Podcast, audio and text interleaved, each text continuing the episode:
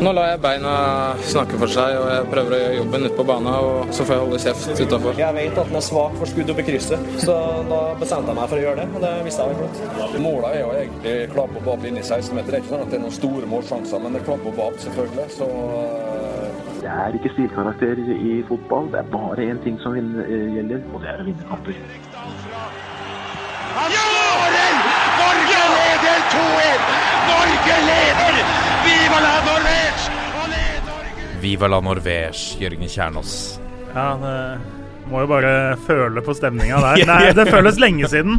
Det er alltid så deilig å, å, å sitte her og føle den og høre høre på den introen. Altså. Ja, det, det er, minner oss jo et, på at norsk fotball tross alt har sine gylne øyeblikk. Men Ja. eh, For et geni som har laga den introen, tenker jeg. Anders. jeg lurer på hvem det kan være. Jeg aner ikke.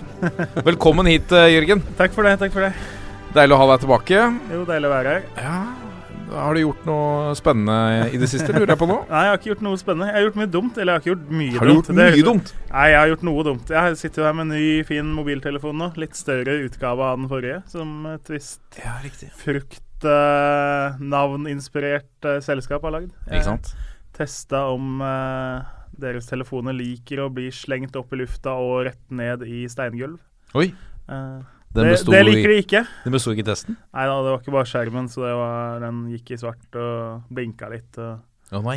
så ut som en sånn som en russebuss på 18. mai omtrent, på en måte. Det, For et bilde du det maler var litt der. merkelige lyder og litt lys og lite futt.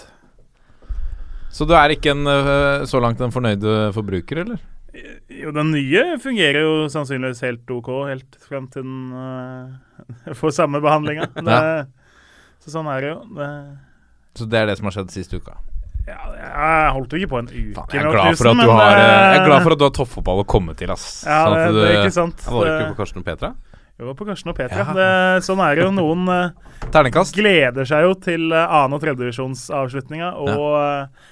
drar på Karsten og Petra midt i det tredjedivisjonen avgjøres.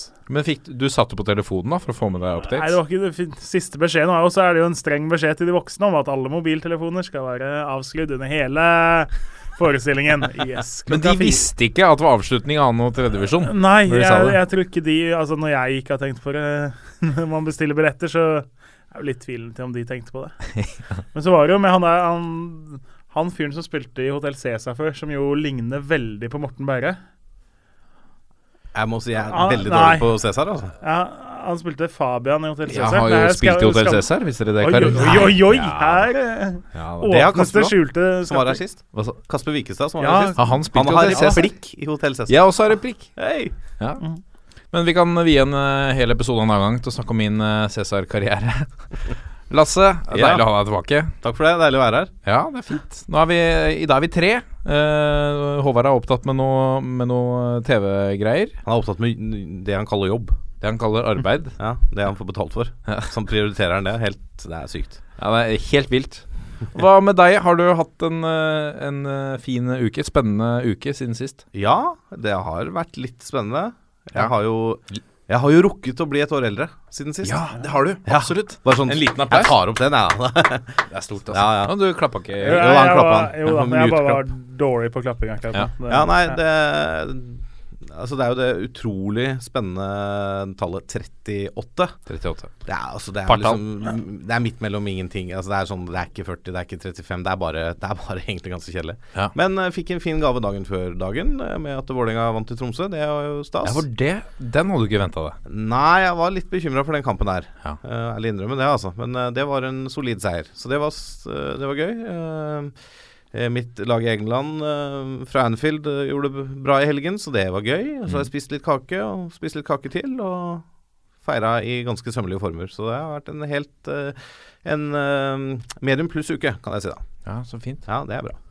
Uh, og 3-0 i, i Tromsø også. Nå er vel eh, Vålerenga Føler du deg trygg nå på Vålerenga? Nei, altså i forhold til direkte nedrykk så skal jo veldig mye gå gærent nå for at Vålerenga skal havne der. Mm. Eh, det er jo fortsatt ikke veldig langt ned til kvaliken, så jeg er ikke helt trygg. Men jeg tror med et poeng eh, på søndag, som vi skal snakke om litt seinere, så er jo da er jobben gjort.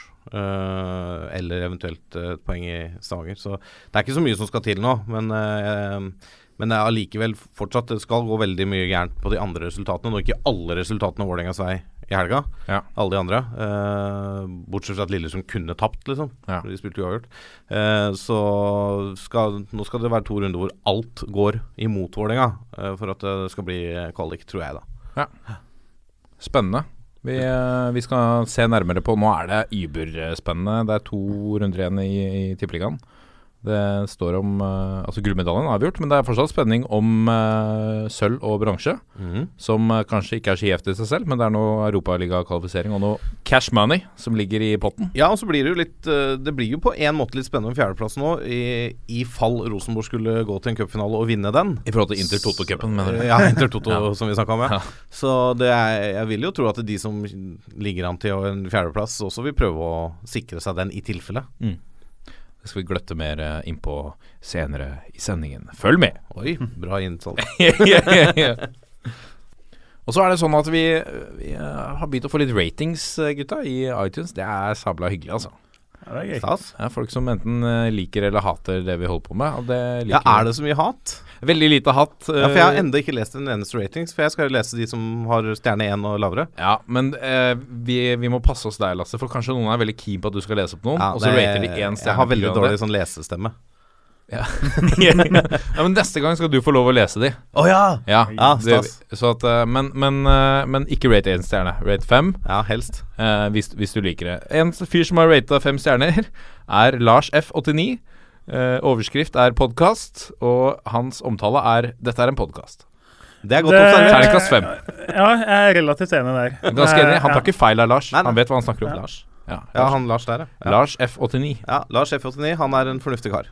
Hvis jeg noensinne skulle bli student igjen og trenger hjelp til å skrive noe sånn uh, sakprosa, så kjenner jeg jo at uh, dette Det er er, en mann som går rett til beinet, liksom. Lars finner kjernen i det. F89. Han går ikke rundt grøten, han. Nei. Simple. Null unødvendig fakta. Ja, deilig. Vi liker det. Og så har vi en til her, eh, fra Eil Dus. Eh, her står det 'Fotballuka suger'.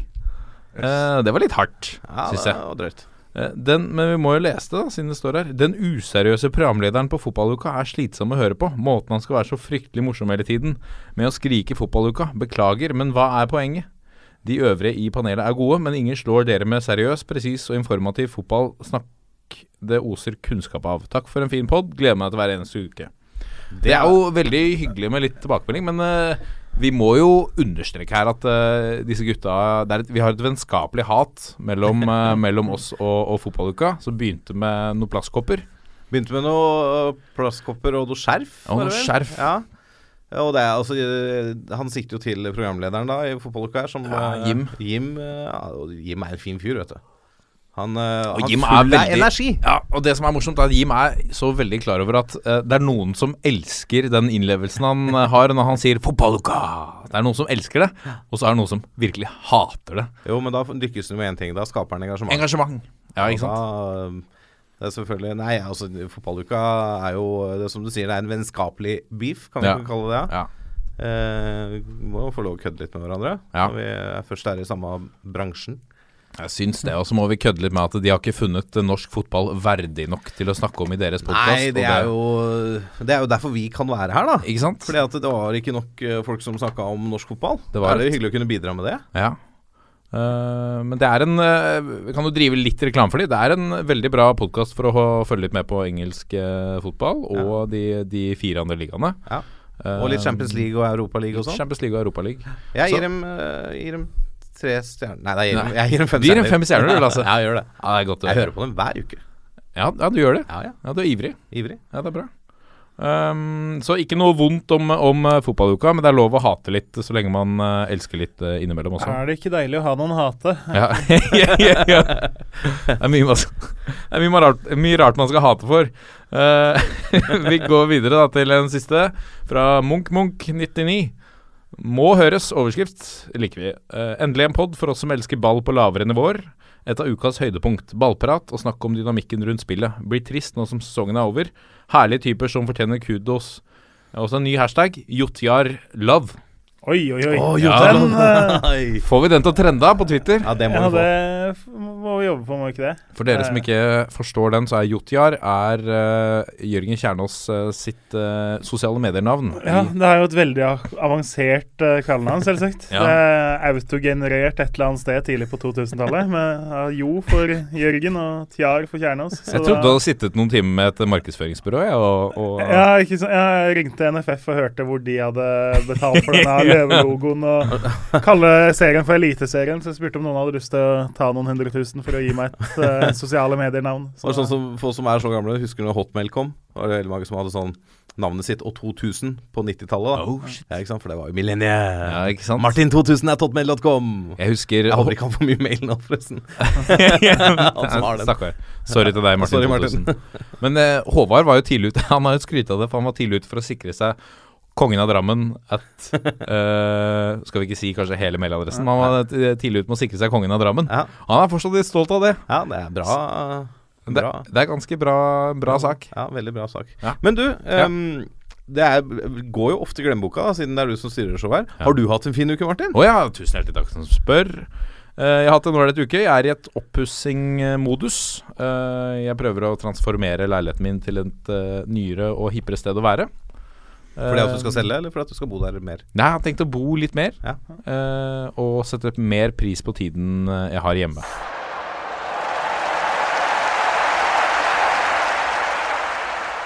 Da er vi kommet til pulsen, det ypperste av eh, norsk eh, fotball eh, den siste uka. Denne gangen skal vi også gløtte litt eh, over til vårt naboland. Men eh, først, Lasse Wangstein, Ja. så skal vi til noe så bemerkelsesverdig som et utlån i midten av en fotballkamp. ja, eller rett før en fotballkamp. Rett før en fotballkamp. Ja, Vi skal ganske langt ned i eh, alder. Ja, riktig. ja, Vi skal til Hordaland da og høre om ni år gamle Olav, Ja. som spiller for Nymark sitt guttelag. De skal møte Trane, og Ikke guttelag, men, men mini... Mini, mini ja, ja, det står ett av sin, Nymark sine guttelag, står det. Jeg Ja. siterer her fra en eh, artikkel jeg fant på nettet. Internett. Ja. Eh, for jeg var ikke Står der selv. står det på internett, så stemmer det det. sant, jo, også. ja, Det er sant.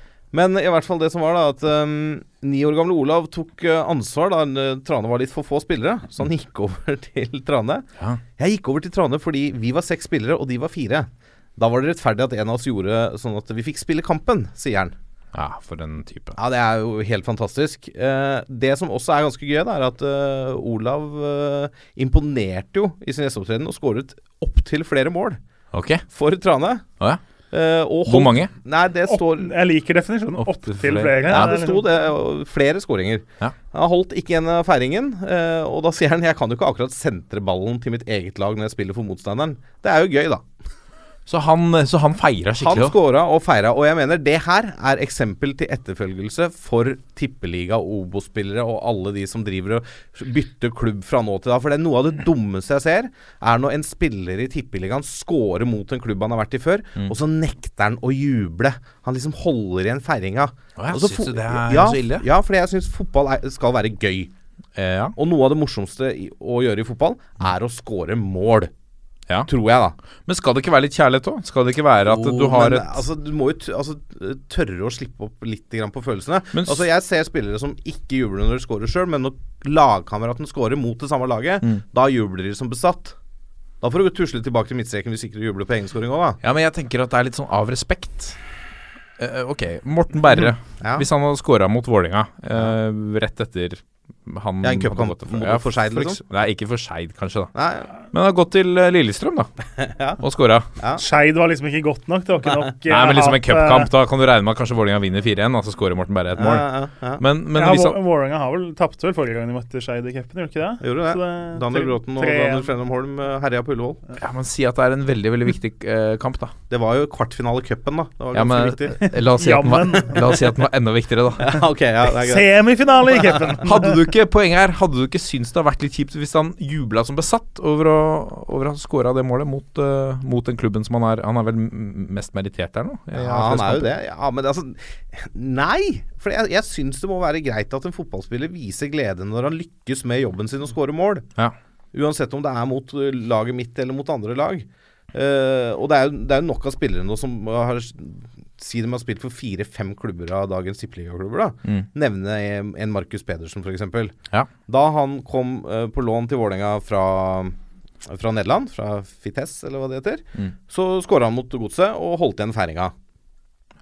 Ja. Eh, greit nok. Eh, han har stor eh, suksess Godset før og sånn. Mm. Uh, var på utlån i Vålerenga. eh, fikk eh, en ny sjanse i Vålerenga, selv om han eh, gikk på en liten bløyte et par dager før kamp og ble tatt i kebabkøen på Bislett eh, ganske seint på natta. Men fikk lov å er det pga. dårlig kosthold, da vel. Dårlig kosthold, Ja. eh, både i eh, flytende og fast føde. Ja, riktig. Ja, eh, Mye dressing, da. Ja, mye dressing. Ja. Eh, fikk lov å stå over et par kamper og spille noen kamper til. Ja. Vålerenga prøvde å gi ham et kickstart på karrieren. Går tilbake til Nederland, havner til slutt i Brann i Bergen. Og til slutt tilbake da til Godset. Når han nå scorer mot Brann eller Vålerenga, Mm. da jubler han jo som besatt. Ja. Og da er det Ok, da er, er, det, er Skal du legge det på nivået av respekt du har for den klubben du scorer mot, eller? ja, men vil du ikke si at eh, når han ikke jublet mot Godset, så vil jeg jo si at eh, den klubben har vært mye viktigere for han enn Vålerenga. tydeligvis. tydeligvis. Ja, men det er nå er det litt vonbråten, Lasse. Nei, men altså, jeg bare syns at det må være greit for en fotballspiller, uten at han skal henges ut av supporterne for den klubben han spilte for før, og vise følelser når han scorer mål. Ja. Jeg syns det er helt greit når Moss Abdelaue scorer mot Vålerenga, Ja. at han jubler på Ullevål for den scoringa. Selv om jeg, syns- jeg hater at det selvfølgelig måtte være han som scorer, for det, Mm. sånn er det jo alltid. Eh, og jeg liker jo ikke at vi taper kamper fordi han blir matchvinner, men jeg syns det er helt greit at han viser glede ved å score mål. Det er jo tross alt jobben hans. Det er det han har betalt for. Det er å score mål for klubben sin. Ja. Og det er de som betaler lønna hans i dag. Men sånn som med Moss, da, så ville jeg ikke reagert like mye, for han fikk aldri en ordentlig sjanse i Vålerenga, mener mange. Og nei. mener kanskje han selv også. Ja. Så at han jubler er litt uh, annerledes. Men, men uh, jeg kan forstå at Markus Pedersen ikke jubler når han scorer mot Godset. Men jeg kan forstå hvorfor han ikke gjør det. Ja, men Ja. jeg kan forstå at han ikke se på det som noe hinder å juble hvis han skårer mot Vålerenga. Ja. Hvor lenge var han? Et halvt år? Nei, han var et halvt, var et halvt år. Ja. Han fikk litt kickstart på karrieren. Da, det er vel et spørsmål om kjærlighet, dette. Altså, Jo, jo, men ja.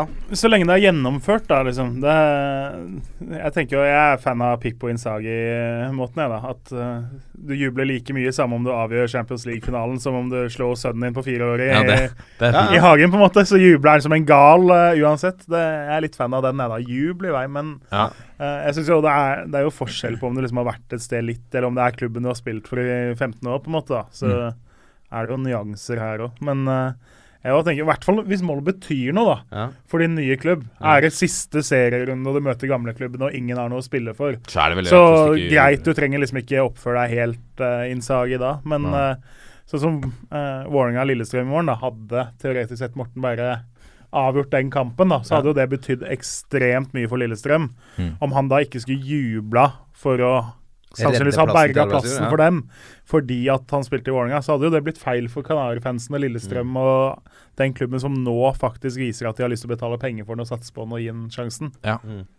Da er Ja. kanskje Morten bare et litt dårlig eksempel sånn aldersmessig, men eh, Ja. jeg ser jo poenget. Ja. Men eh, uansett, det var jo eh, en ganske lang eh, Digresjon. digresjon i forhold Ja. til Olav Nie, som jeg syns fortjener hyllest Ja. for å Liten applaus, eller? Ja, liten Ja. applaus. Altså, eh, han har lyst til å spille fotball. Han syns det er gøy å spille fotball. Og Ja. jeg tar en tur til å spille en kamp for Trane, jeg. Ja. Og for dette så fikk han jo da Hordaland uh, fotballkrets uh, Fair Play-pris. Og det Oi. er vel fortjent, altså. Men jeg, ja, jeg har faktisk spilt mot min egentlige klubb uh, en gang, jeg òg, i en treningskamp. Ja. Uh, iført Buffalo-sko, hvis noen husker de. Uh, Hadde du Buffalo-sko? Nei, jeg hadde ikke det. Det men greit, jeg det er hadde- breddefotball, dette. Hvis vi om kommer men, fra Groruddalen. Eh, et par av pakistanerne i parallellklassen hadde jo da disse Buffalo-skoene som jo egentlig var for jenter, og som var opphøyde og så helt fryktelig ut. Så hadde vi på en eller annen måte eh, Jeg og han ene vi bytta sko for to dager. da, Litt sånn føle hvordan Han skulle føle hvordan det faktisk var å gå med normale sko, og jeg skulle sjekke hvordan det var å gå med unormale sko. Du skulle sjekke hvordan det var å være 15 cm høyere? ja, og så var jeg syk, skada, eller jeg husker ikke. Så spilte vi treningskamp, og de mangla keeper på eh, motstanderlaget. Eh, og begge lag var sånn 11-12-13 mann, liksom, alle skulle få spille litt ute. Så det endte jo opp med at jeg sto i mål da, i Buffalo-sko og jo, liksom vanlig bukse. eh, vi spilte 1-1. Jeg har jo endte jo opp som keeper i min, eh, min ikke altfor suksessrike karriere. på ja. Jeg- Jeg lurer på om det kanskje var min beste kamp. Så I Buffalo-sko. ja. så det er noen keepere der ute som sliter med formen og føler de slipper inn mye Det kan ikke være lov. enkle mål, så Buffalo-sko kan være resepten. Ja, nei, det er jo det. Du får noen ekstra centimeter, og du Ja. blir jo litt høy og mørk av det. Ja, Ja, det gjør det absolutt. God i feltet. God i feltet. Ruver, vet du. Overhengende fare for overtråkk, vil jeg si. Absolutt. Eh, vi kan jo bevege oss videre til vårt naboland i Skal vi Sverige. tråkke over grensen? Vi skal tråkke over grensen. Åh, det er sterkt. Ja, nei, vi hadde jo For et par uker siden så tok vi opp disse lagene som har gjort det elendig i norsk fotball. Ja. Eh, og så har jeg da rota meg innom en uh, divisjon fire i Sverige, Ja. altså nivå seks. Eh, laget Skutskjærs. Jeg måtte sjekke stedet. Jeg tenkte ok, kanskje det er et sånt sted som liksom bor to Men det er en by hvor det da bor 6000 eh, folk, da. Ja. Eh, så skulle du tenke da at de i hvert fall på nivå 6 klarer å stable sammen noe helt OK. Starta sesongen med 0-7, 1-7 og 0-6. Det var i mars. Og så kommer da 0-12, 1-7 så kommer da 1-14, 1-7, 0-5 taper de så, 0-11 og 0-9. Eh, går videre med 0-5, 0-12, 0-9, 0-5, 0-10. fy. Før de da tar ferie uh, med rolige 0-17 Å, mot herre. eh, laget som vinner serien. Så kommer de tilbake i august da med 0-8. Men så kommer den da 1-2 borte mot laget som ender nest øverst på tabellen. Oi! Oi. Og den Hva må har skjedd? Men det ser ut som da Ok, da ga vi alt for etter det. 1-14, 0-19, 2-15, 0-7, 0-15. Og så kommer da de to siste kampene. 1-27. og da snakker vi mot et lag som ender godt nede på nedre halvdel i tillegg. Og så avslutter vi med hederlige 0-10. Vi må undersøke hva som har skjedd eh, der borte med skute. Hva Ja, sku, skutskjær. som er sånn svensk æ og eh, skjær. De hadde trengt Olav Ni, kanskje? Ja, kan hende topp. at Olav Ni kan eh, bytte klubb. Det, de avslutter da sesongen altså med minus 242, tror jeg det var i målforskjell. Hvor mange putta de? Fire? Eh, åtte eller noe, så 8-250 tror jeg det var, hvis jeg husker riktig. Ja, for vi snakka om disse som hadde minus 105 i Ja, 8, beklager, 8-240 var det, som var bare minus 232 Ja, på bare. 22 kamper. Ja, riktig. Så det er nærmere timålstap i gjennomsnitt. da. Men det er jo noen år siden at, eh, at eh, Norges da eh, dårligste fotballag, Vredens Druer, mm. møtte, um, møtte et lag i, på tilsvarende nivå i Sverige. Ja. Ja. Og da, Eh, de de tapte. Ja. Jeg vet ikke om Når det blir en sånn kamp da om å være dårligst, er det egentlig en fordel å Vil du da ta opp og få tittelen dårligst, liksom, eller vil du Altså Når du legger inn 0-27 uh, i nest siste serierunde, så er, har jeg litt inntrykk av at kanskje de tenkte ja ja, da tar vi den, da, så får vi litt oppmerksomhet. Det er jo faktisk Selv over landegrensene. Men så, hvis du stiller 11 mot 11 nest, altså, og faktisk per definisjon er på samme nivå, da, Ja. så er det imponerende med 27 Ja, det er baklengs. helt utrolig. hadde, hadde de møtt Barcelona eller liksom Real Madrid, OK, men de møter da altså Odd Bro, eller hva det er. Altså et, et lag hvis med rytter neppe fyller spesielt mange av fire sider. Så det, det, er godt gjort, da, for det er et mål hvert tredje minutt. Ja, det er helt sykt. Det er helt sykt. Eh, Det er bare Ja, det er nesten uh, imponerende. Ja, det er, det er ikke nesten, det er imponerende. Ja, ja. Det, er, ja, det vil jeg. Altså, jeg har vært med å spille 8,5 mot 11 i en hel kamp. Mot et, uh, vi hadde med en som måtte bytte ut til 20 minutter fordi han var, han var syk, så han orka ikke mer.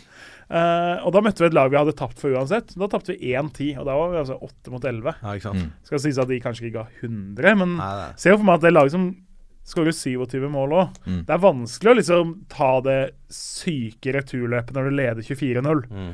Det, Ja, for det begynner å rakne Når begynner det å rakne, tenker du? I, liksom, i forhold til eh, in, intelli, Ikke intelligensen, men i, i innstillinga? Nei, det, jeg tenker jo når du ligger under 3-4-0, da begynner det å bli tungt. Ja.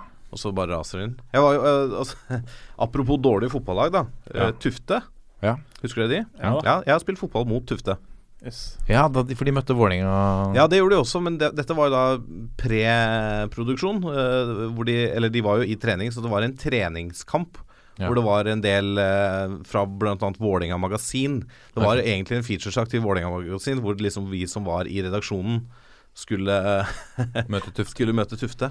Eh, for å bare se hvor dårlige vi var, da. Hvordan gikk det? Eh, vi vant. Ja. Eh, jeg Var det tror, tror det var sånn eh, 6-1 eller noe sånt. Ja. det var, jeg tror det var to ganger 25 eller to ganger 30 vi spilte. På elver, da. Ja.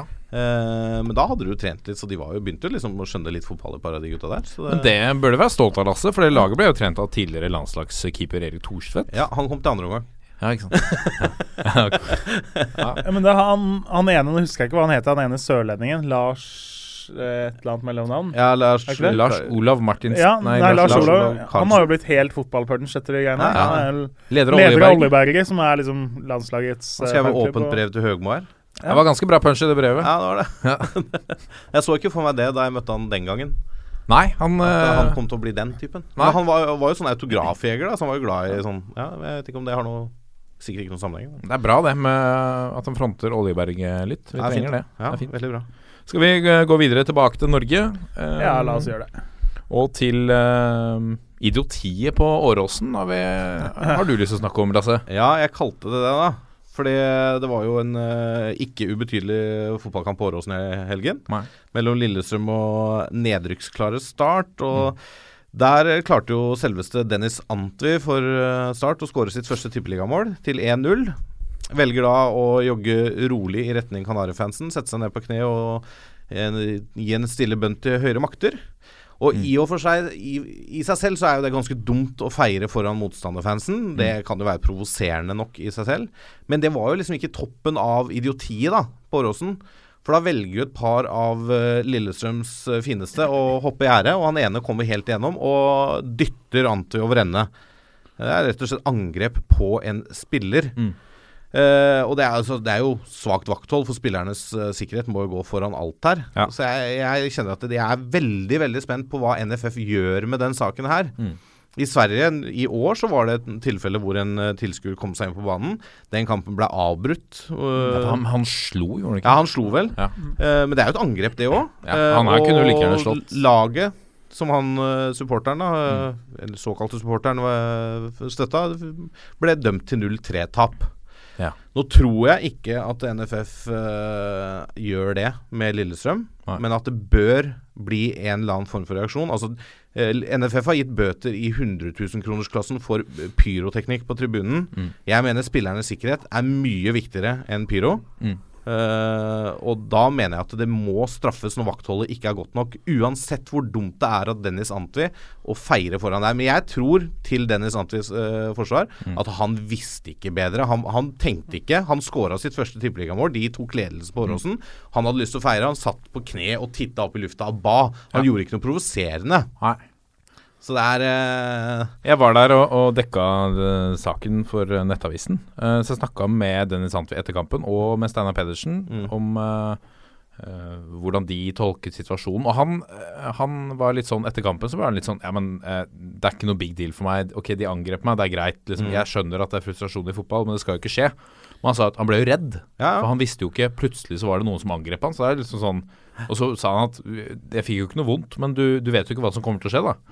Eh, og så var det som du sier av Steinar Pedersen, at uh, uttalte også at eh, han har gått så lenge og venta på den skåringa. Mm. han kom eh, fra Jerv, og, og laget Start har slitt, og han Ja. har slitt, og han har følt det på sine skuldre. Og nå fikk han liksom utløp for det, så han var jo helt strålende fornøyd. Og så var han ikke Jeg tror han eh, Han sa i hvert fall at han, han var ikke klar over at det var foran Kanarifansen, at det var galt.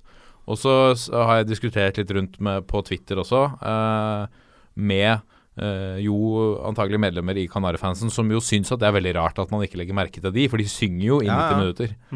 Men det er noen fotballspillere som sier at de nesten ikke legger Blokker merke ut, til ikke De blokker ut eh, Ja. fansen. da og, og når du da som motstander scorer på Åråsen, da blir det litt stille i den Det svingen akkurat der. Det var da. helt stille på hele ja, ikke sant? Jeg så kampen sjøl. Det var det. Det var Ja. helt knust når han scora. Mm. Og så det som jeg kanskje også reagerer litt på etter kampen, er et intervju med LSK-kaptein Frode Kippe. Ja, som jeg Den artikkelen skrev jeg òg. Det var den du skrev, ja. Da kan jo du fortelle hva Frode Kippe mente om saken, og så kan jeg få lov å fortelle min mening. Ja, han, eh, han sa jo i, eh, i slutten av intervjuet at um, For jeg spurte ham hva han syns, og, så, og så sa han at han, han syntes det var veldig unødvendig å, å feire foran fansen. Ja. Uh, så sa jeg at ja, men det er jo veldig spesielt å bli angrepet for det, og så svarte han da at ja, men når du står sånn og feirer foran fansen, så uh, må du nesten forvente at folk kommer og løper deg ned. Helt latterlig. Men jeg tror nok det er sagt litt i affekt. Uh, litt sånn Litt i kampens hete er jo Ja, jo. men det Det er er, det er jo den litt mildere fotballversjonen av liksom Går du med skjørt på byen, så bør du regne med å bli eh, voldtatt, nesten. Jeg er ikke helt der. For det, det er dummere å feire foran fansen, liksom, så skal ikke dra den hjem. Men eh, jeg synes jo, På Åråsen så er det jo sånn som det er på mange stadioner i Norge, og som det har blitt uh, etter Hillsborough og sånn, at Aha. det er jo ikke noe problem å komme seg ut på banen. Det Hvis er, du vil, nei. det er jo egentlig å gå over et reklameskilt, og så står du egentlig klar til å ta innkast, i Mm. prinsippet. Mm. Så uh, Det er klart at når det koker så mye, så er jo det Det går jo stort sett bra. Mm. Men det er, en ganske, det er jo ikke vanskelig. Alle klarer å komme seg ut på den banen på to sekunder hvis de vil det, eller hvis det svartner og koker over helt sånn som det gjorde for han karen her. da. Ja, ja, og Det var, jo, det var jo flere som var på vei over, ser det ut som på noen bilder, som blei stoppa. Ja, ja, helt klart. Altså, det, det er ikke vanskelig, men det skal ikke skje. Spillernes og dommerens sikkerhet må være i høysetet på en eh, norsk eh, tippeligaarena. Sånn er, må det være. Og det Frode Kippe også sier, at det bør gi rødt kort og provosere motstanderfansen.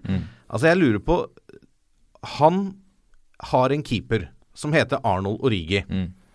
Eh, senest tidligere år, da Lillestrøm slo Vålerenga på Åråsen, så står han og viser fingeren til klanen bak det ene målet når Lillestrøm skårer. Ja. Og andre obskøne bevegelser som involverer eh, genitalier. Ja. Eh, Han viste ikke, men Tok han seg buksa? Nei, tok ikke av seg buksa.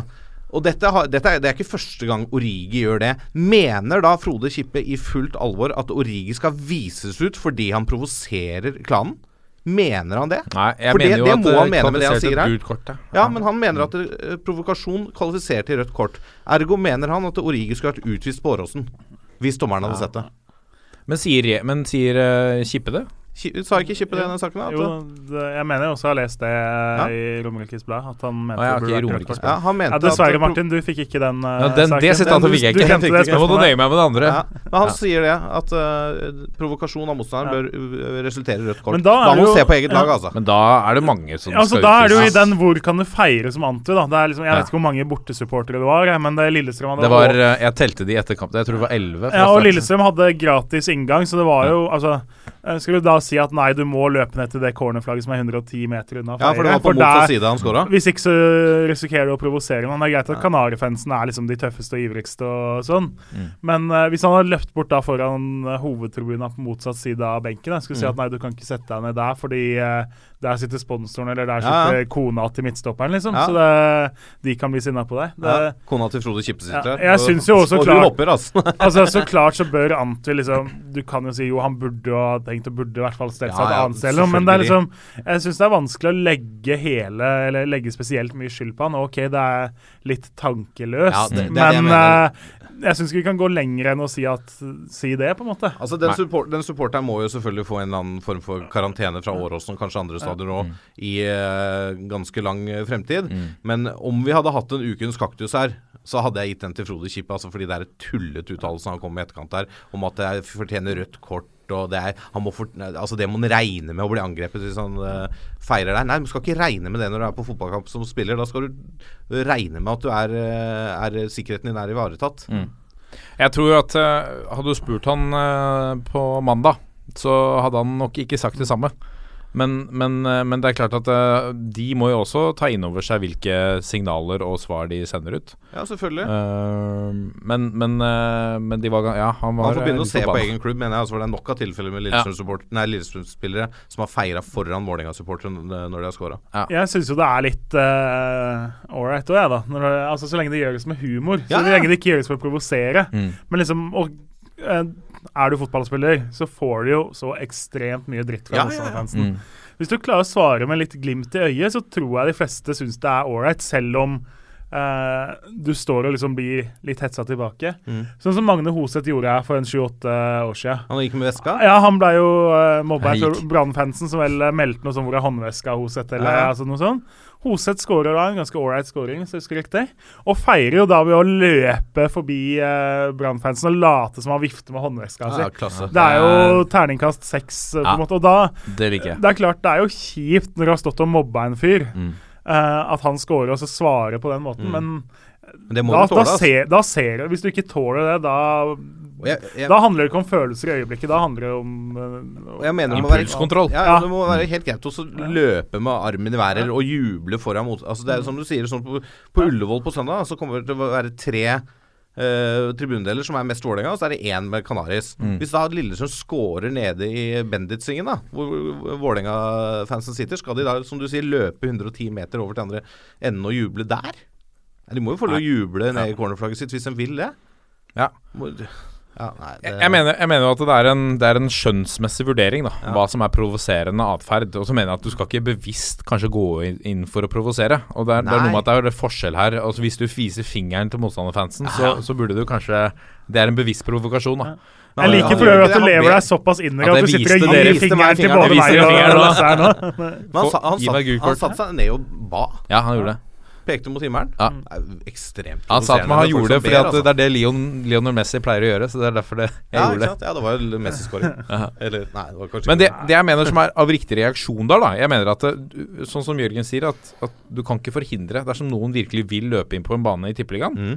så kommer de til å klare det. Ja. Det er ikke noe problem, det. Nei. Men reaksjonen der bør være så sterk at det er en preventiv effekt. At klubben bør få en bot, og så bør eh, klubben sende den bota direkte til den, eh, den personen. Ja. Og så bør han utestenges Ja. eh, fra alle arenaer i et år, f.eks. Tenk deg hvor kjipt da om NFF går i de svenske baner nå og Jeg ja, kan ikke trekke Lillestrøm Ja, men tenk om de hadde gjort Ja. det. Nei, det Da for, får jo han eh, Da får ikke han statue på Rosen i hvert fall. Han Nei. som hoppa av gjerdet der. Det får han kanskje ikke uansett. Nei, det gjør han nok ikke, da. men det, det mener jeg er helt meningsløst, da. Uh, ja, jeg er helt enig. Ja, fordi at det er jo faktisk eh, Det er jo sikkert NFF har blandet seg inn også i hva skal være standarden på norske fotballbaner. Mm. Og standarden er at det skal ikke være gjerder. Og da kan du på en måte ikke Da vet du at du løper en risiko også for at dette kan skje. Mm. Ja. Men, Men det er du derfor du har vakter. ja, eh, ja. Du burde hatt tre, mange, tre ganger mange Ja, det, det kan jo godt hende. Men da kan det hende at sikkerheten på Åråsen ikke var god nok, da. I det tilfellet her. ja. At de burde tatt høyde for det. Men uansett, jeg sier ikke at Lillesund skal trekkes poeng. Overhodet ikke. Nei. Men jeg er spent på hva NFF gjør. Jeg har ikke hørt noe ennå om hva de gjør. Nei. Om det blir noen reaksjon for, for Lillestrøm. Det bør i hvert fall være en reaksjon for klubben, og jeg er helt enig. Den får bare gå i ilbud Ja. til han uh, idioten Per faks, som hoppa, hoppa der. Mm. Og så kan han kanskje ringe Frode Kippe og spørre om han kan ta en eh, kutt av kaka. Nei Lillestrøm har jo en historie om å bli provosert av feiringer. da det Ja. er med, Når vi snakker om Vålerenga og Ja, ja, Lillestrøm òg, så hadde vi jo gode gamle Mamadou Diallo. Var jo på utlån Ja. fra Lillestrøm til Vålerenga. Uh, Skårer jo da Det var vel 2-1-målet på Bislett. På Bislett. Ganske viktig kamp, i hvert fall for Vålerenga. Uh, Diallo tenker at hei, jeg har scora, jeg er jo Lillestrøm-spiller egentlig. La oss løpe bort til Kanarifansen og feire litt med dem. De blir vel glad for at én spiller som klubben deres eier, har scora, gjør de ikke det? Eh, så det, Helt ja, eh, det er vel kanskje hakket større forståelse for at man blir sinna. ja, Ja, for det. Den saken ble henvist til mye på Twitter, så jeg at uh, det likte ikke folk. Nei, og det, det Jeg skjønner jo det. Ja, ja. Men der er de tilbake til det Kasper Wikestad snakka om sist. da At det, f- for, spillere som er leid ut Mm. internt i ligaen, kan møte den klubben de er, er leid ut fra. Det er helt tåpelig. Det er veldig spesielt. det har vi Ja. diskutert. Vi kan gå videre til, uh, til Obos. Ja. Ja. Ja. Der er det Vi har fått to nye lag i, i Tippeligaen. Endelig. En liten applaus. Ja, Kristiansund og Sandefjord, gratulerer. ja fantastisk. Vi møtes jo faktisk til seriefinale òg i siste runde, så det er jo veldig det fest. Kan vi kalle det bakrusfinalen?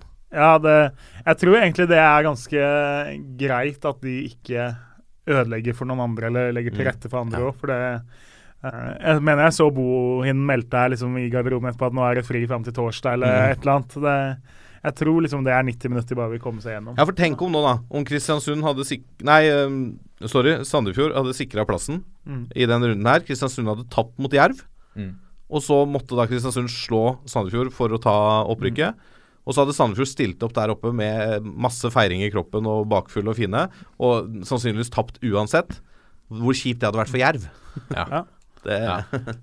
Ellers så ble jo KFM eh, sendt ned definitivt fra ligaen her òg. Så det, de tapte jo bort mot Mjøndalen og kan ikke berge. Men eh, så er det jo da tre lag som kjemper for å unngå siste nedrykksplassen. To Mm. av dem må ned. Eh, Ullkisa så jo ut til å ha sittet i førersetet og sende Bryne matematisk ned samtidig. Men Ja, for de ledet. de leda, skåra på straffe rett før slutt, og så prikka Mats Reginiussen et frispark i krysset. Så det vil si at Ullkisa skal bort og møte Kongsvinger. Eh, trenger sannsynligvis eh, seier i den kampen. Mm. For de, har, de har bedre målforskjell enn Hødd, da. Mm. Så de kan klare seg med U hvis Hødd taper borte mot Sandnes Ulf. Eh, både Sandnes Ulf og Kongsvinger har jo litt å spille for. for begge er klare for kvalik, Mm. men uh, kjemper for femteplassen, nei, fjerdeplassen, som Mm. gir hjemmekamp i første runde. Rangeringsmessig, ja. Så det er, det, Sandnes Ulf og Kongsvinger spiller ikke for liv og død, men det er liksom nok å spille for til at de gir uh, sannsynligvis alt, da. Men samtidig da, så har jo Kongsvinger en ganske viktig kamp i morgen. En semifinale i cupen borte mot Mm. uh, Strømsgodset. Tre dager før. Jeg tipper at de, siden de nå har sikra kvalikplassen uansett, at de kommer til å gi ganske jernet for å få et resultat i Drammen. Så eh, det blir jo spennende å se hvordan det spiller ut på den kampen, uh, kampen mot Ullkisa òg. Ja. Og så er det jo Bryne da, som må vinne, samtidig som Hødd må tape. Mm. Eh, men Bryne møter da Fredrikstad, som jo berga plassen nå, etter Mm. en ny elendig sesong hvor de har underprestert grovt. utrolig, altså. Er, uh, igjen så sitter da Fredrikstad, når vi har kommet oss uh, langt utpå høsten, og jubler som gale for de plassen akkurat er berga. Det er jo det er helt utrolig å se på. ja, fan, utrolig merkelig. Det, for de har jo så enormt mye større potensial. Men jeg syns se ja. neste år, når de starter på scratch, om de Jeg følte det begynte som en bare dårlig trend, og så har det bare blitt en, en uh man, man trodde jo kanskje litt i år, da, med liksom Jan Halvor Halvorsen og litt sånn ny satsing. Og de henta en del bra spillere òg, da. Ja. Med tippeligaerfaring. At nå skal faktisk Fredrikstad være med å kjempe om noe. Mm. Og, og kanskje ikke direkte opprykk, men i hvert fall kjempe om en uh, playoff-plass. da Og så er det helt nede ned der. Det må ha et veldig dyrt år. Altså, det har ikke vært billig det dette året for de Uh, Og ikke Altså å kjempe for å holde seg i divisjonen. Ja, jeg Eh, mener jo sånn helt- De, hadde- de henta en spiller, Andreas Aalbu f.eks., Mm. eh, som nesten ikke fikk spille. Fordi han ikke passa i spillestilen til Jan Halvor Halvorsen, Ja. eller hva det var. Og han, jeg mener han er mer enn god nok for Obos-ligaen. Ja. Sånn, ja, altså, definitivt. Han ble jo henta i fjor, og så Ja. kom jo da Mats Kaland inn, som er en OK CV. Altså Ja, ja. Erik Tønne, Christian Brix, Christian Brix, Patrick ja. Karolussen. Ja. Altså, Magnus Simonsen, Per Morten Christiansen. De Ja. henter jo mye navn. Altså, altså, henter jo på en helt annen hylle enn de laga de ligger rundt på tabellen. Ikke veldig mange år tilbake i tid skal gå før jeg tenkte at Magne Simonsen kunne vært en fin høyrebekk å ha i Vålerenga. Mm. Altså, nå er liksom spilleren på et bunnlag i Obos. Ja. Du klarer ikke å løfte, være med å løfte det. Men det er jo litt sånn. Man er jo ikke bedre enn det Egentlig det, nesten det laget man spiller på. Så de Nei, som nei. trodde at kanskje de kom eh, til et potensielt topplag i Obos, fikk seg en veldig kjedelig overraskelse. Det har vært en vekker, kanskje. Ja, det vil jeg absolutt si. Um, annen- og tredjevisjon, vi, vi dekket jo det veldig grundig i, i forrige uke. Det var en del eh, avdelinger der. Vi fikk jo litt drama i uh, andredivisjon. Ja. Der Vi meldte jo sist at Byåsen sannsynligvis kom til å slå Rosenborg 2 og sikre plassen i avdeling 2. Ja. Uh, Byåsen slo Rosenborg 2 og sikra plassen i uh, andredivisjon, men trengte da en straffe på overtid for å vinne 2-1. Samtidig som begge lagene bak uh, Stjørdalsblink leda jo da 4-0 eller noe på det tidspunktet. Så uh, idet kampen bikka 90 minutter, så var Byåsen i ferd med å gå ned en divisjon. Men, Hvordan kom den straffa? Er det noen som vet det, eller? eh, Usikker, men det var i hvert fall uh, Asgeir Vollen Snekvik. Snekkvik, som jo har senka Rosenborg uh, i cupen før og er en mann for de store anledninger. Som, Men Sivert Solli skåra for Rosenborg, og det er vel en, uh, en ganske habil eh, eh, han er jo i Asdalen og har vært Mm. eh, på benken i hvert fall noen ganger. Eh, spilt i cup. Ellers så var jo uh, I avdeling tre så var det også spennende en stund, fordi uh, Fyllingsdalen leda borte mot uh, Nest Sotra. Ja. Uh, samtidig som da Fana møtte et Frigg som så vidt klarte å stable lag på beina. Uh, holdt 0-0 lenge og var i ferd med å gå ned fordi Vidar gjorde jobben, Vard Haugesund gjorde jobben, og Vålerenga vant etter hvert sin kamp. Uh, så, men så fikk Fana da viktig viktige 1-0-målet, og da hjalp det ikke for Fyllingsdalen hva de fant på. og Fyllingsdalen vant heller ikke. Så til slutt så gikk det jo bra, men liksom fram til du har spilt en time av kampa, så var det litt rokeringer og Sånn at ett mål gjorde veldig mye nedi bunnen der òg. Mm. Uh, og når vi snakker om Byåsen, da, så hadde jo på fredag kveld så meldte jo Byåsen 2 at de ikke kom til å stille lag borte mot Rørvik. Eh, Det er trist, altså. ja, Byåsen 2 hadde da fått en del skader, frafall og diverse. Så de, Hva er reiseveien til Rørvik? Rørvik er langt oppe i nord, så det er, det er en seig uh, tur. Mm. Uh, Det er vel Men- fortsatt i Trøndelag-fylkene, men det er ganske det er jo Trøndelag, men uh, det er så vidt. Og ute i havgapet. Ja. Ja. Uh, men så fikk de jo De fikk mye pes på Twitter og fra spillere. Rørvik hadde liksom skulle stelle inn stand litt fest der siste kampen og, Ja, så og så videre. Uh, og så blei det jo da meldt fra Trøndelag fotballkrets selv at uh, stiller de ikke, så kommer de til å havne i sjette divisjon. Ja. For det, det lå i femte. de ligger nå i tredje. Oh, ja. Uh, Ja, men den nederste divisjonen er sjette. Trekker du deg, så havner du i sjette. Det stemmer jo ikke. Du havner bare nederst på tabellen, og kamper kan bli strøkte og sånn. Uh, så de hadde uansett bare rykka ned, sånn som de allerede var klare for. Ja. Men det interessante uh, for Byåsen 2 Rørvik betydde egentlig ingenting. Begge har vært nedrykksklare i et halvt år. Mm. Eh, hvis Byåsen hadde trukket seg, og kampene deres hadde blitt strøket, så hadde de rocka ved denne kampen om den viktige femteplassen. For der var det jo tre lag som hadde en egentlig dødt løp før eh, siste runde. Ja. Men Tillerbyen Det er mange som mister en seier, da. Tiller, Tillerbyen hadde tapt en av sine kamper mot Byåsen 2, mens Kiel, Hemne og Charlottenlund, som de kjempa med, Mm. hadde vunnet begge sider. Så hvis Byåsen hadde blitt strøket, så hadde jo Tillebyen i prinsippet fått den her plassen dagen før kampene skulle avgjøre det. Oi, shit. Eh, nå endte det jo uansett opp, for det var jo kanskje den mest spennende avdelinga. Ja. Det var tre lag som kjempet, men det skilte tre plussmål eh, om femteplassen. Ja. Tillebyen sikra seg den uansett. De vant eh, Ja, okay. 9-0 mot uh, Stjørdalsblink 2. eh, samtidig som Kiel Hemne ikke vant nok, og Charlottenlund tapte. Så det var moralsk eh, endte moralsk rett uansett? ja, da, det en så jo Det hadde jo vært kjedelig det, det hadde blitt mye bråk i ettertid hvis Byåsen hadde trukket seg. Kiel Hemne og Charlottenlund hadde sannsynligvis uh, uh, brukt mindre hyggelige ord uh, om Byåsens oppførsel da, tipper jeg. For det hører jo med til historien at Byåsen angra seg om det var trusselen om sjette div eller hva det var. Mm. Sendte opp de ti spillerne de hadde stabla på beina. Mm. Det var jo litt sånn utespillere i mål og et par halvsyke mennesker på banen. Klarte faktisk 2-2 da, bort mot Røvik likevel. Ja, så det Men når man hører sånne historier, for, for de som er motstandere av reservelag Det er i seriesystemet Klart at det heller bensin eh, på Syns det er en eh, Jeg er litt sånn Jeg dras mellom to ja. Hva heter det for noe? Dras mellom to stoler? Eller Nei. Det, Eh, jeg syns det, er jeg det er en skam, altså. Ja. Det må jeg ærlig si. hører jo til historien at litt av problemet for Byåsen er at der er toppfotball og bredde skilt i to forskjellige enheter. Okay. Eh, så det vil si at Byåsen toppfotball det er førstelaget, annetlaget og juniorlaget. Ja. Flere kan ikke de bruke i uh, tredjedivisjon. Så de kunne ikke plukke spillere fra gutt 16-laget, sånn som uh, mange andre kan. da. Uh, hvor det, hele klubben er én organisasjon. Eh, Ja, riktig. men noen klubber i Norge er uh, delt i topp og bredde. Skeid er det, Strindheim er det, Byåsen sikkert en god del flere. Uh, litt av årsaken er vel Strindheim holdt på å gå konk for noen år siden Mm. uh, pga. toppsatsinga, og holdt jo på å rive med seg en hel Altså hele klubben og hele junioravdelinga, som er ganske svær, Mm. og som ikke hadde noe skyld. Lyn er jo skilt vel uh, ut nå. Ja. eh, nettopp pga.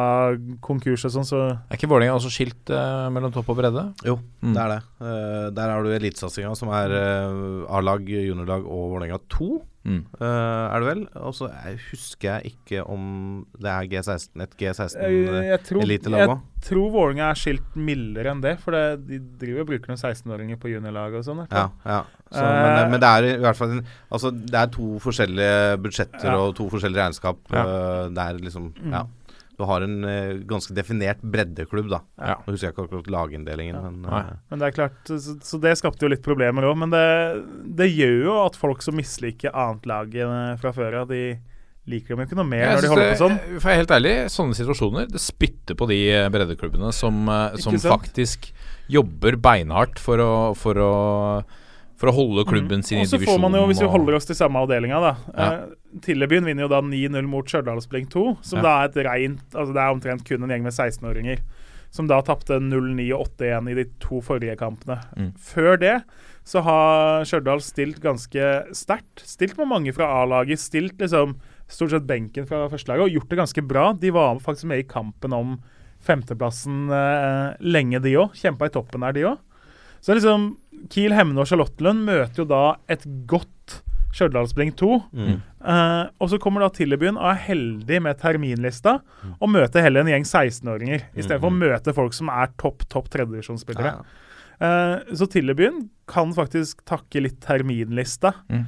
Hvis de hadde bytta kampoppsett med Kiel Hemne, Mm. og Kiel Hemne hadde møtt uh, Stjørdal i siste, så kunne det hende at det var forskjell på opp- og nedrykk. ikke sant? Så Og da blir det for mange tilfeldigheter. og da er vi inne på den kjernen av det som er hele annenlagsproblematikken. Ja. At uh, de stiller så ekstremt forskjellig fra, fra uke til uke, til og med. Mm. Uh, er du heldig og møter dem på slutten av sesongen eller midt i A-lagets uh, sommerferie, Mm. så kan du bare innkassere tre poeng. Mens møter du dem på et ugunstig tidspunkt, så taper du 10-0 isteden.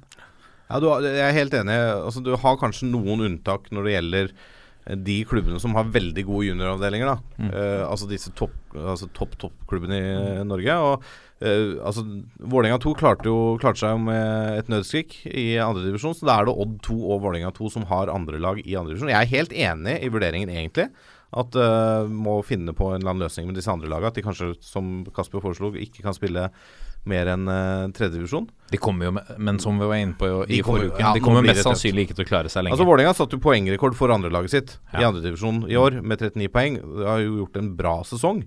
Uh, og vil jo nå i neste år, da, de og Odd, få en kjempebra kamparena for de nest beste og juniorene sine. Absolutt. Men så er det jo, som vi sier, hvor lenge holder det? Hvor lenge klarer de nå å holde seg i den nye andredivisjonen? Det blir veldig spennende å se. Ja. Så blir det spennende å se hvor mange av de andre lagene som er i eh, divisjonen under, som da også blir en mer spissa tredjedivisjon, hvor mange av de som klarer å rykke opp. Mm. Altså Det er ikke sikkert at det blir så mange det heller. Altså. Så kan det hende vi får det som vi vil da etter hvert, og få dem ned i tredje. Ja. Eh, Ja. Utenfor, Eh, det blir eh, spennende å se. Det blir, eh, jeg syns det blir spennende med, med Jeg gleder meg spesielt til annendivisjon neste år. Mm. Det blir en eh, litt annen liga. Er det snakk om noen TV-rettigheter noe sted? Nei, men det er vel noe sånn det, Du har jo en Streaming. del varianter av streaming A- lo A-media har jo sendt en haug av de kampene her Ja. i år. Så lokalpress og sånn, ja. Det er vel uh, en del uh, tunge, tunge tunger på, på Twitter som mener at uh, det er annendivisjon og fjerdedivisjon som blir det mest interessante. Tredjedivisjon er bare Tredjedivisjon blir kaos. Eh, Det blir seks avdelinger, hvor da fire lag skal ned i hver. For det første så er det altfor mye. Eh, forslaget var egentlig 18, nei, 18 avdelinger på nivå 5. mm. Eh, så ble det utvida til 24, og da ble antall nedrykksplasser utvida fra 3 til 4, Mm, som jo mm. er tåpelig. Eh, I tillegg så er det en haug av annet lag, og det kommer til å bli en del reising. Mm. Og, så jeg er litt enig i at nye andredivisjon blir bra. Nye fjerdediv er et fint sted å være. Tredjediv det blir litt sånn derre brutalt ingenmannsland. Ja, det blir egentlig det. Det blir, Det blir mye annet. eh, mandagskamper og ja, det, Ja. Jeg tror ikke ja, for det blir mye kamper som blir flytta pga. andre lag og sånn, ja. Ja, Selvfølgelig. Uh, og det, jeg tror ikke det blir et kjempetrivelig sted for alle å være. Det kommer til å bli litt misnøye. Ja, men Tenk deg å spille på nivå fire i Norge. da Måtte liksom reise eh, mange timer fly for Ja, å spille kamp. Ja, Liksom. nå er det spennende. Nå er det f.eks. tolv lag fra Nord-Norge Mm. der. Uh, Fire i hver. ja, og, det være- og det skal være 14 da, lag i hver avdeling. Så spørsmålet er setter du de sammen med de to lagene fra Nord-Trøndelag f.eks. Uh, eller deler du i to? Nord-Norge er jo relativt stort. Ja, Eh, så det er klart det er, det et, det er et stykke fra Mosjøen til Alta, på en måte. Ja, ja. Og det er ikke super uh, flykommunikasjon mellom byene heller. Så skal liksom Nord-Norge deles i to, og halvparten til Trøndelag og halvparten til Oslo. Veldig bra flykommunikasjon i Nord-Norge takket være Avinor. Nå fikk jeg sagt ja. Ja, men så det, det er, og Og sånn, sånn blir det jo uansett. da, At det kommer til å bli en misnøye hos noen uansett hva NFF gjør med det oppsettet. Ja. Uh, men det er klart at de sitter med noen Men tøffe kabaler og skal legge der. da må jeg få lov å, som du er så glad i å si, komme med en liten brannfakkel. Ja. Det, altså, Jeg vet ikke om jeg bruker ordet brannfakkel riktig, men jeg Nei, jeg vet ikke. kaster et eller annet Vi- på bålet eller noe. Ja, vi kaster noe bensin på bålet. Nei, men altså f f eh, Klubbene må jo være så misfornøyde de vil med oppsettet og hvordan ting ser ut. Men til syvende og sist så er det jo disse klubbene som selv har stemt frem dette på fotballtinget. da Ja.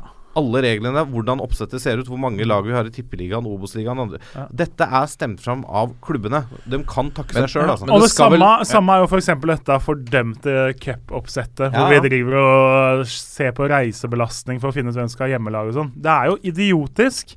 Og du skal lete godt og lenge for å finne noen som syns det er topp. Mm. Og, og det blir sutring hvert år. Men da er det ikke verre enn møte opp på tinget.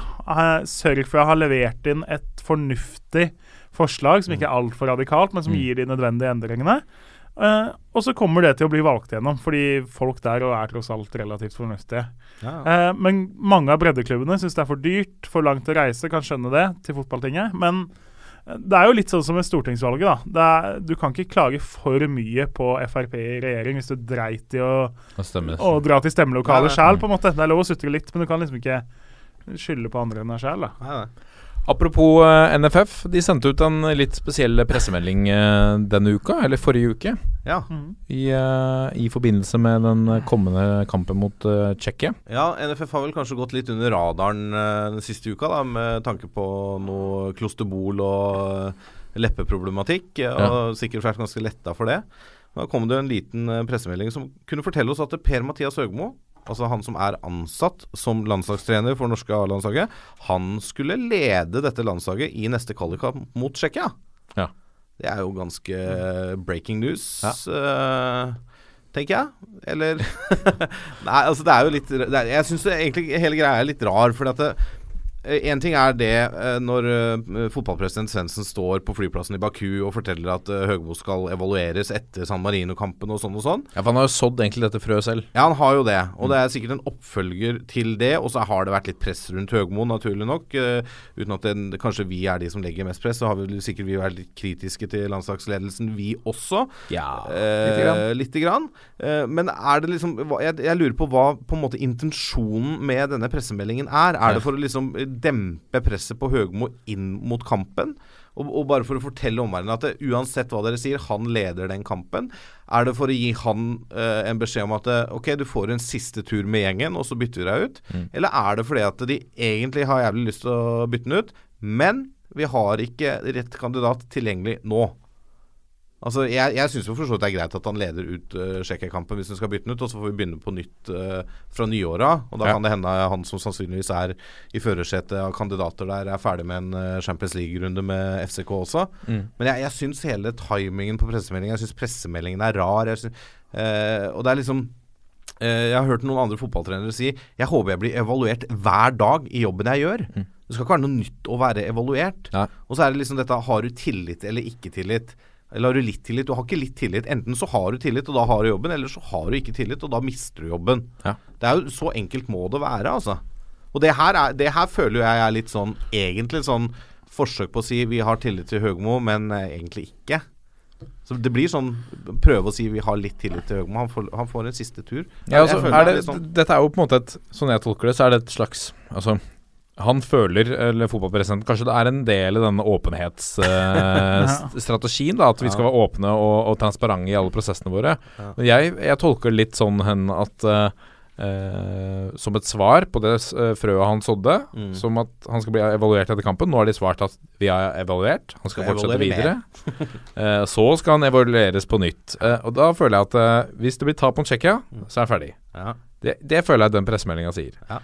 Blir det uavgjort, ehm, så kan det godt, godt også hende han er ferdig, men det avhenger av resultatene i andre kampene. Mm. Hvis han vinner, så tror jeg han fortsetter. Det tror jeg Ja, det, det er tror jeg jeg også. nesten helt sikker på. Og når vi snakker om eh, dette klosterbol og sånn, så kommer jo denne pressemeldinga vel eh, sånn ca. en halvtime etter at det ble klart at Johaug nå er utestengt i to måneder Den er ganske dom. taktisk. Eh, og det er klart, det er vel litt sånn der eh, krisehåndtering i media første leksjon, omtrent. Ja, Men dette er ikke noe nytt. ikke sant? Altså, du ser jo det veldig ofte. Prøv å legge merke til når pressemeldinger fra NFF, som er litt grann kleine, kommer på, på døgnet og i uka. Prøv, prøver du nå å si at det ikke var tilfeldig at denne Kjetil Siem-pressemeldinga kom på 17. mai, f.eks.?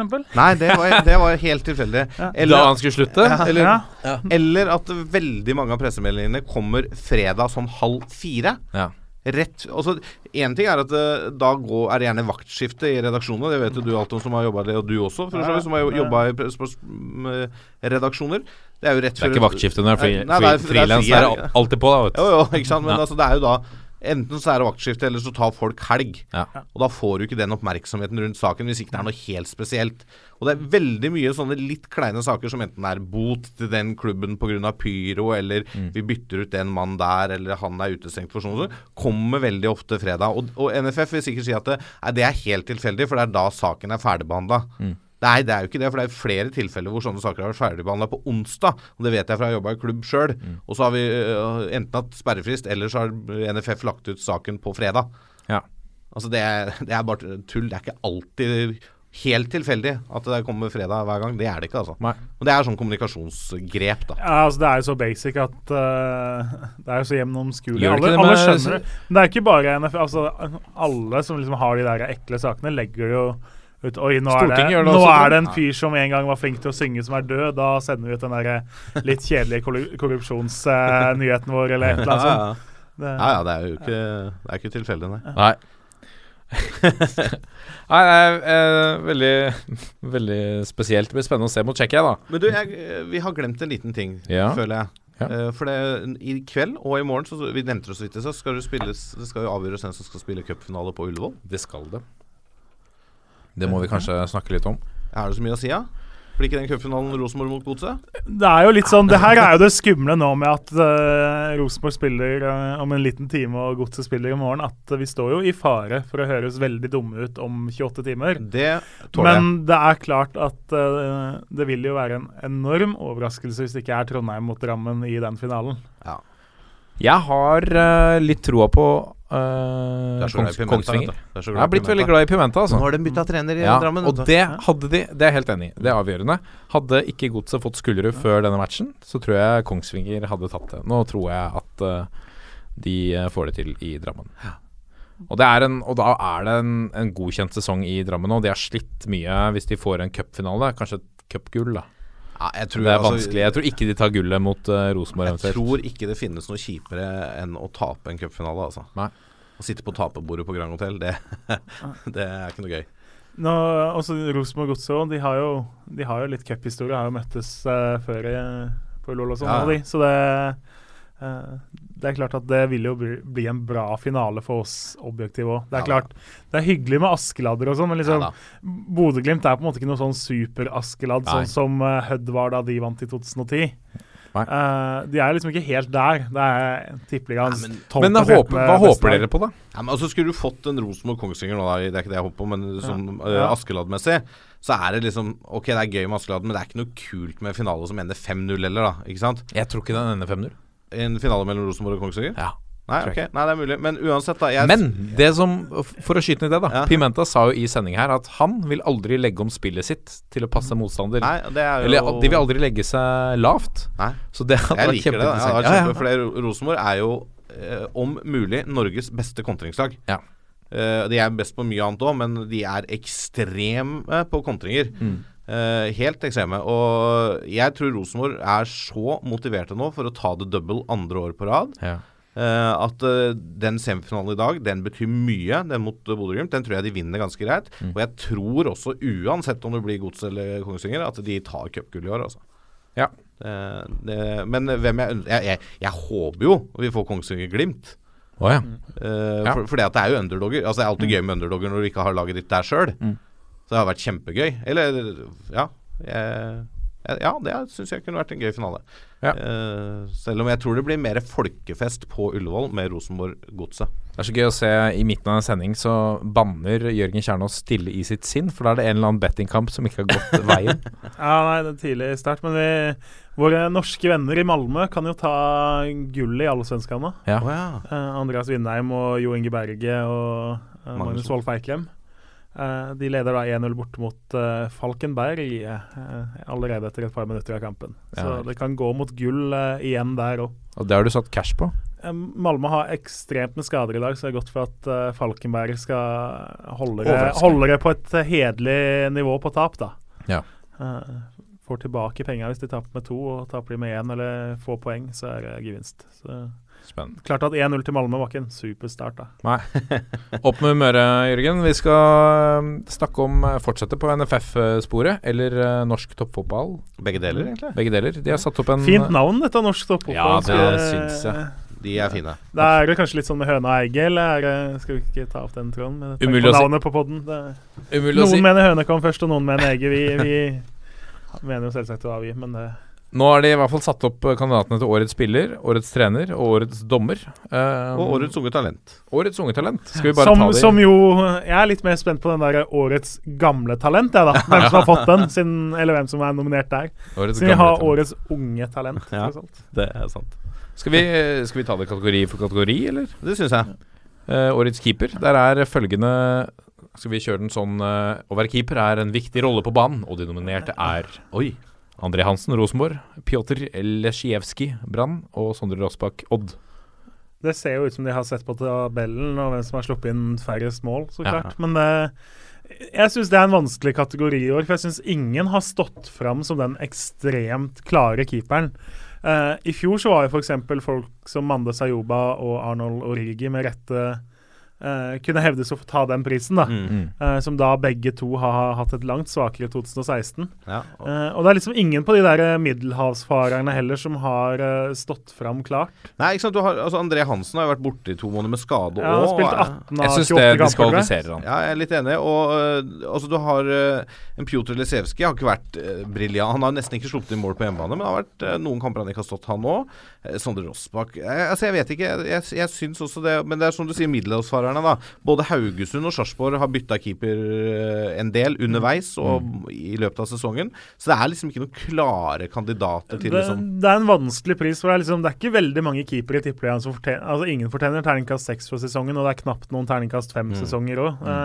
Så det er litt sånn at det går ikke an å slakte de tre nominerte her, for det Nei, det er helt greit, eh, liksom. De har levert uh, kurant omtrent som du kan forvente, uten at eh, Ja.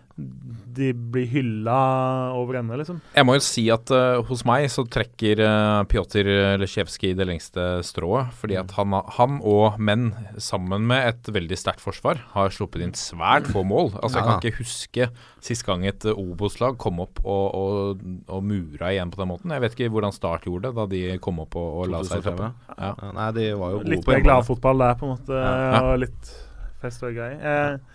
Jeg eh, tenker jo Første punkt må være er han flink i mål, og andre punktet er han fra Bjerke bydel. Og det er kun André Hansen som kan eh, Ok. svare ja på begge eh, her, så han uh, sikrer han med prisen for meg. Ja, ja. ja, jeg, jeg er litt enig med Martin at av de tre alternativene så er det vel fort uh, Pjotr som bør stikke av med den, Ja, synes jeg. selvfølgelig er du enig med meg i det.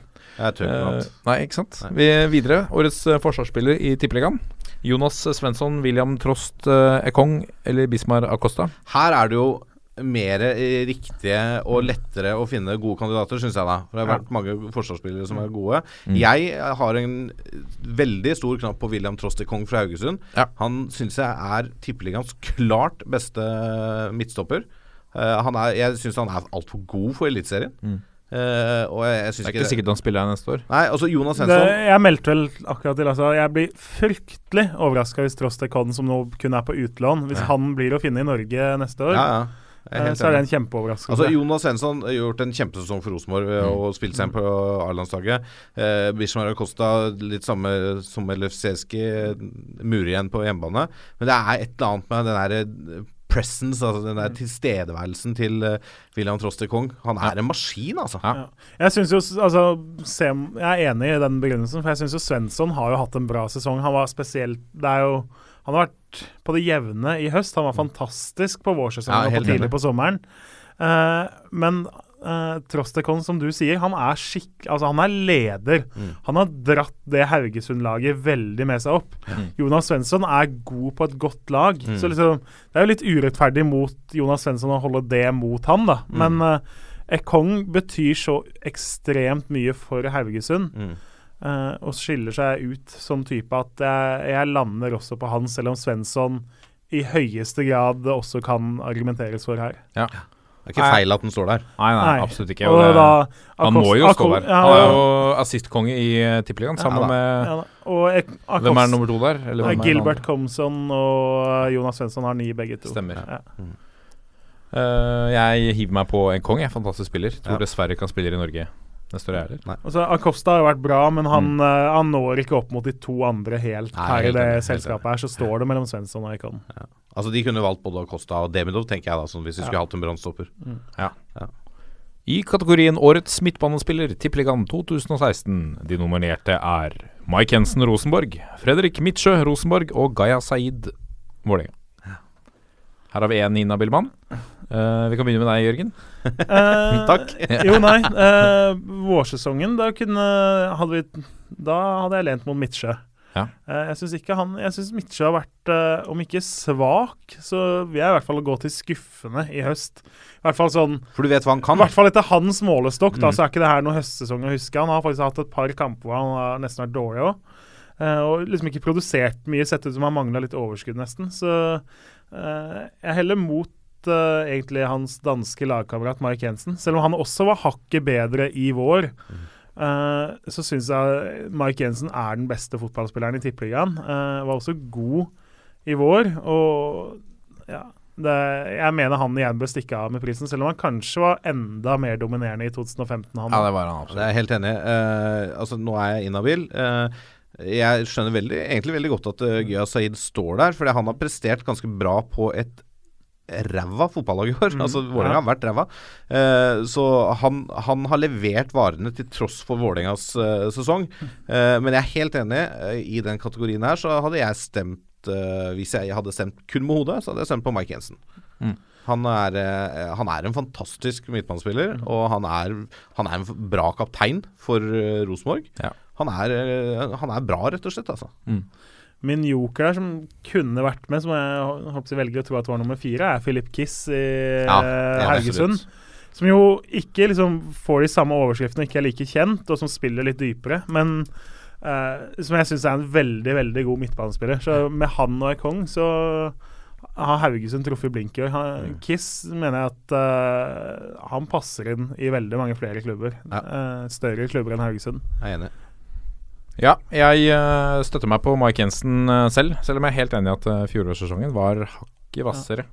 Men det er noe med at når du har vunnet ligaen så tidlig også, eh, og de så vel at dette kom til å gå veien, så vil jeg tro at det, du senker deg kanskje et par nivåer. Det er mulig. ikke et par nivåer, men kanskje et Og så er det jo sånn Ok, han var bedre i fjor, men så lenge du fortsatt er best, liksom, Ja. så kan du ikke holde Nei. 2015 mot han heller, liksom. Nei. Årets angrepsspiller i Tippeligaen. Uh, de nominerte Fiti Masemi i Bodø-Glimt, Christian Grytkjær i Rosenborg og Fred Friday i Lillestrøm. Også kjent som Gytkjær. Ja, Hva sa jeg? Gryt.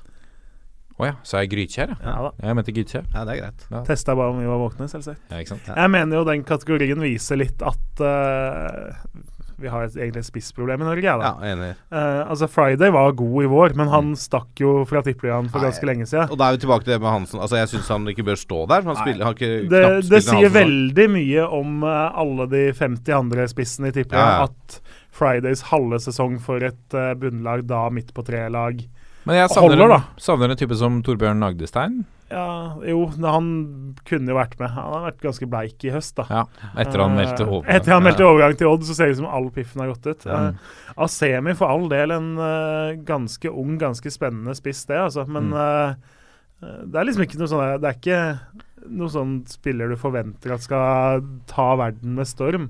Han har, levert, han har levert godt for Bodø-Glimt, men Mm. det sier veldig mye om Tippeligaen at sesongen Asemi har hatt for Bodø-Glimt, er definert som en av de tre beste angrepsspillersesongene i år. Mm. Jeg er enig, og det er liksom uh, Altså av de tre, da, altså vi, hvis vi diskvalifiserer Fred Friday Christian Gytkjær, litt sånn slow start i forhold til målprotokollen i Rosenborg. Men jeg mener hvis du spiller på Rosenborg, som er så dominante, og som skårer såpass bra med mål, så er det, bør han skåre de målene han har scora, Ja. kanskje litt til. Det har jo vært mye av argumentene mot han. Ja, ja, og det er kanskje litt ufortjent, for han må, han må komme i posisjon. Han må putte den ballen i mål uansett. Ja. Eh, men jeg har litt sans for Fiti Masemi som spillertype. Han Mm. er, norske, han er vel den norske toppskåreren i Han er det sammen med Moss, uh, som Ja, begge har ti mål. Ja. Uh, og spiller på et eh, lag ganske langt ned på tabellen, Mm. som faktisk kan rykke ned. Eh, jeg tror faktisk jeg setter en liten hake på han, jeg, altså. Så kan man, altså Gytkjær har vel Det er greit, han er en rendyrka målskårer. Og det Ja. viser meg, Han har faktisk null assist, tror, mener jeg at jeg leste, Ja. for uh, Rosenborg. Uh, det sier ganske mye at du har spilt midtspiss i brorparten av sesongen. Uh, Williamson har jo fått noen kamper, og Bakenga, men uh, Gytkjær har jo spilt vel 80% i hvert fall av Rosenborgs sesong, hvor de har vært helt dominante, og han har ikke levert en assist. Mm. Eh, så er det klart at 19 mål trumfer jo på en Ja måte det. det gjør egentlig Eh. Men ja. men likevel, det er, det er litt sånn tydelig. Jeg er enig i at han har gjort det han skal. Eh, han har ikke vært sprudlende, og det tror jeg ikke noen trøndere syns heller. Men Han skår, står for en tredjedel av uh, Rosenborgs mål. ja, ikke sant? Jeg lener jo mot han, selv om han heller ikke er noe sånn ekstraordinær. Det er litt sånn som på keeperplass, det jeg føler jeg, at forsvarsspillerne og midtbanespillerne har levert på et eh, godt nivå, de som er dominert. Mm. Keepere og spiss, eller angrepsspillere, så er det litt sånn faen, Vi må jo ha tre nominerte, så da får vi ta de tre som tross alt har vært best, uten at de er fantastiske. ja, ikke sant. Ja. Ja. Ja, hva landa vi på? Jeg er Gytkjær her, men uh, Jeg der. sa Semi, bare for å si noe annet. Ja, da går jeg for Asemi selv, jeg. Ti skåringer og fire assist. Det er brukbart, det. Han putta en tredjedel av måla til Bodø-Glimt, han òg. Ja. Da ble det semi. Da ble det semi. Gratulerer. Gratulerer. Årets trener, Tippeligaen. Dominerte Kåre Ingebrigtsen, Rosenborg. Lars Arne Nilsen, Brann. Og Eirik Bakke, Sogndal. Ja. Den Savner vi noen? Ja, der savner jeg noen i den Ja. kategorien. Jeg savner Geir Bakke i Sarpsborg 08. Helt helt enig. Fordi Ja, oi. Da trenger vi ikke Unison enighet. Ja, ja. Og hvorfor er jeg sånn her? Skal jeg si det, eller siden vi er, selv om jeg er enige? Veldig gjerne. Han har da tatt det laget med tippeligaens tredje laveste budsjett til å kjempe om europacupplass. Mm. For det, har, det gjør han jo hvis de tar fjerdeplassen. Eh, han har fått veldig mye ut av eh, lite midler. Og bygd et bra lag, et solid fundament. Mm. eh, med en spillestil som jeg syns er litt kul. Altså de, jeg syns de spiller kul fotball til tider der nede òg. Ja. fått til veldig mye. Jeg syns han har gjort en mye bedre jobb enn Eirik Bakke i Sogndal.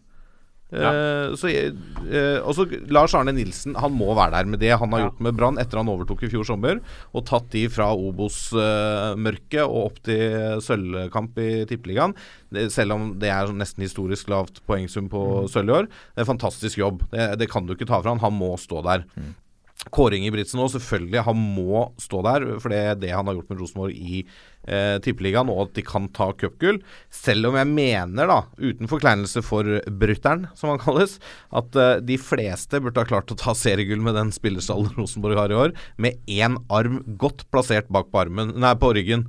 Eh, men for all del, jobben må gjøres, og han har fått det, det beste Han, han har gjort noe med Rosenborg og fått mye bra ut av Rosenborg etter han begynte der. Mm. Men eh, han hadde jo fjoråret òg, eh, så jeg Altså Av de som står her, så går stemmen min til Lars Arne Nilsen, men jeg savner en Geir Bakke på lista. Jeg syns han burde stå der. Ja, Men- jeg syns jo, ja. jeg synes jo altså, det Eirik Bakke da Mm.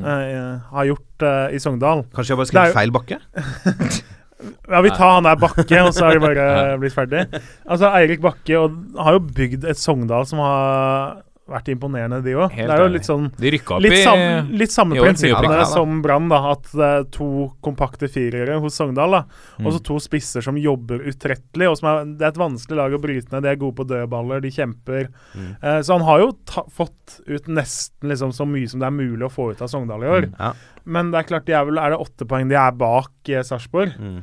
Eh, så Sogndal leverer jo en flott sesong, ender Ja, litt på tabellen. Seks poeng bak. Det er liksom bare Ja, ikke sant? Havner Eh, åtte bak, da. Åtte Ja. bak, åtte bak unnskyld. Ja, var de åtte bak? Åtte. Ja, de var det. Ja. Beklager det. Et eller annet sted mellom 08 Oh. oh, oh. fall, altså, For en ordsmed! ja, ja, Nei, den var, den var svak. Ja. Eh, Den, den var svakere enn spissen i Tippeligaens prestasjoner. Men i hvert fall, jeg er helt enig. Geir Bakke og det Sarpsborg har gjort, Mm. det er tross alt uh, å kjempe om medalje nesten til siste slutt. Ja. uh, kontra midt på tabellen for Sogndal. Og størrelsen og liksom på de klubba er ikke så stor at det ikke bør vurderes høyere, da. Så Til Eirik jeg, jeg, ja, jeg mener Eirik Bakke da klart fjerdeplass her, på en måte. Ja, ja, Han ja. eh, går foran alle andre da, liksom. Mm. Men at Geir Bakke burde hoppa opp og vært nominert. Eh, Hvis man ser det i sammenheng med erfaring her da på trenerbenken, så syns jeg det Eirik Bakke har gjort med å ta et nyopprykka lag til å, Mm. å, å plassere dem på trygg grunn i Mm. Tippeligaen Jeg syns det er en sterk pres prestasjon, men jeg er helt enig i eh, Sarpsborg. det De havna på 11. i fjor. Eh, det- de redda ikke plass med nødskrik, men, men de var jo innblanda i, i nedrykksstriden. Mm. Og nå til en femteplass. og så har- solgte de jo to nøkkelspillere for vel rundt 8 millioner kroner til Mm. Godset i sommer òg. Ja. jo det, Og fortsatt det, eh, trenden, på ja, ikke sant? Det kan liksom ikke vektlegges så stort her, men det gjør prestasjonen enda sterkere at de driver faktisk OK butikk i tillegg, da. Og de kan jo Selv om Kan det vel er de mye ikke ta sport- det er- Europaligaplass? Jo, jo da, ender de på fjerdeplass, og Rosenborg vinner uh, cupen, Ja. så får de Europa. Da er det, det, er, det er en Men det er klart, mektig ja, imponert. ja, så det jeg er imponert. Og det Bakke sammen med sportssjef uh, Thomas Berntsen De, de henta et haug av spillere i sommer, eh, nei i vinter. Det var vel tolv nye inn, stort sett, nesten. Ja. Eh, noen som ikke helt har lyktes, men også noen som slår gjennom umiddelbart. Og eh, forynga stallen med mange år, da, for de hadde Ja. en veldig gammel stall i fjor som gjorde det ganske middels. Fikk ut en del av de eldre, henta ungt, henta billig. Eh, så Sarpsborg har drevet god butikk i år. Og så er det altså Geir Bakke har gjort mye Han har, var- jo veldig lenge assistenten. Mm. Eh, han var jo assistenten eh, til Vålerenga da de tok gull. Han var jo Mm. assistenten til Janne Jønsson i eh, Stabæk da de tok gull. Eh, og så var han jo en, eh, Kristiansund, i Kristiansund og begynte å bygge litt der. Og så ble han henta til Molde og var assistenten da de tok gull. Mm. Eh, og så hadde han en liten uh, hovedtrenerrolle i Moss som ikke gikk så bra før Stabæk, var det vel. Mm. Men uh, uansett det er gøy å se at han lykkes som hovedtrener òg. Ja, det er, han har virkelig gått, uh, om ikke utdanninga, men han har på en måte plukka mye erfaring. Ja, ja, helt klart. Det er, øh, det er godt er det å se. Hva lander dere på, da, hvis vi skal runde av trenerpraten? Du sa du landa på Nilsen. Ja. Jeg, jeg tenker som Jeg er helt enig. altså Lars Arne Nilsen og Brann har jo levert til terningkast eh, seks ut fra deres forutsetninger Ja. som nyopprykka. De var jo venta liksom rundt tiendeplass eh, ish, hadde jo de fest som tips. Mm. Men det er klart at Kåre Ingebrigtsen og Rosenborg det, Det er vanskelig å ta fram noe. ikke det er vanskelig liksom å argumentere mot hvis de tar det double igjen. Så er det tøft å si at sølv og exit mot Førde i cupen er bedre. Ja, ja, selvfølgelig. Selv om Nilsen og Brann har fått ut ekstremt mye og fortjener masse heder. Ja, Ja. jeg er enig. Jeg la meg på Nilsen uh, selv, ja. Mm. Nedstemt igjen, altså. Nedstemt igjen. Demokratiet lenge leve. Årets dommer da, i Tippeligaen. Kandidatene er Svein Oddvar Moen, Dag Vidar Hafsås eller Tore Hansen. Vi kan gjøre den eh, veldig kort, eller? Jeg kan godt Jeg, stemmer på eh, Jeg tar Dag Vidar Hafsås. Fordi ja, ikke sant? Eh, Nei, fordi jeg syns Svein Oddvar Moen gjør for mye rart til å være ranka som Norges beste dommer i manges øyne. Ja. Den Eh, LSK-greia også? Ja, det har vært, det har vært mye, mye rart. Nei, Ja. det, var, det var Edvardsen, det vel. Ellers den gule Hvor han viste det røde kortet til en annen mann som Ja, men det var en tidligere sak med Svein Olvar Moen Ja, også. det er mulig, men jeg, jeg, ja, ja, han, jeg syns han gjør eh, litt for mye rart til å være liksom toppen av toppdommerne. Ja. Eh, Tore Hansen har blitt betydelig bedre enn han var, og han er jo den eneste toppdommeren vi har som har erfaring fra toppfotball som spiller. Ja. Så skulle du tro han har ganske bra spilleforståelse. Det syns jeg kanskje han mangler. Hafsås? Uh, nei, Hansen. Hafsås har spilt i annen og tredjevisjon, da. Han òg? Ja. Ja, i hvert fall Tore Hansen spilte i Adecco med Mandalskameratene. ja, det er bra. Og så er han den eneste kandidaten her, og en av få dommere som ikke har uh, dobbeltnavn. Ja, det er sant. Da, da, ja. Nei, men jeg stemmer på Hafsås. Jeg syns han har tatt eh, steg også. Blitt en bedre dommer. Ja. Eh, Tore Hansen også tatt uh, betydelige steg i forhold til sånn jeg husker han fra tidligere, hvor jeg syns han mangla fotballforståelse, utrolig nok. Ja. Men uh, Hafsås. Hafsås. Uh, ja, jeg, jeg lente også litt på denne Moen-argumentasjonen. At jeg syns han, eh, etter at han begynte å liksom få litt internasjonale kamper, ofte liksom virka litt arrogant. eh, litt sånn Heva seg nesten litt over tippeligaen til tider. Mm. Uh, Hafsås Hansen Jeg har ikke noe stor liksom uh, Jeg brenner ikke for noen av dem, på en måte. Men det, eh, begge to er faktisk De få ganger jeg har snakka med dem, så har de vært sympatiske og ålreite og imøtekommende, begge to i hvert fall. Og, eh, siden du sa Hafsås, da får jeg gjøre det spennende. Tore Hansen. Ok. Ja. Da er det opp til meg, da. Ja, blir årets sommer i Tippeligaen. Nei, da går jeg for Tore Hansen, da, siden uh, Jørgen har blitt nedstemt. ja, Så, endelig. Det, så mye betydde den stemmen. Ja. Eh, årets unge talent i Tippeligaen, født etter 31.12.1996. Der har vi de nominerte er som følger Sander Berge, Vålinga Jens Petter Hauge, Bodø-Glimt, og Rafik Seknini, Odd. Da er det jo litt sånn ikke liksom for å si noe Det er ikke for å si noe stygt om Hauge, som er en spennende ung kar som bli, kan bli god. Ja. Men han har vel uh, starta én eller to kamper, og så har han en haug med innhopp, da. Mm.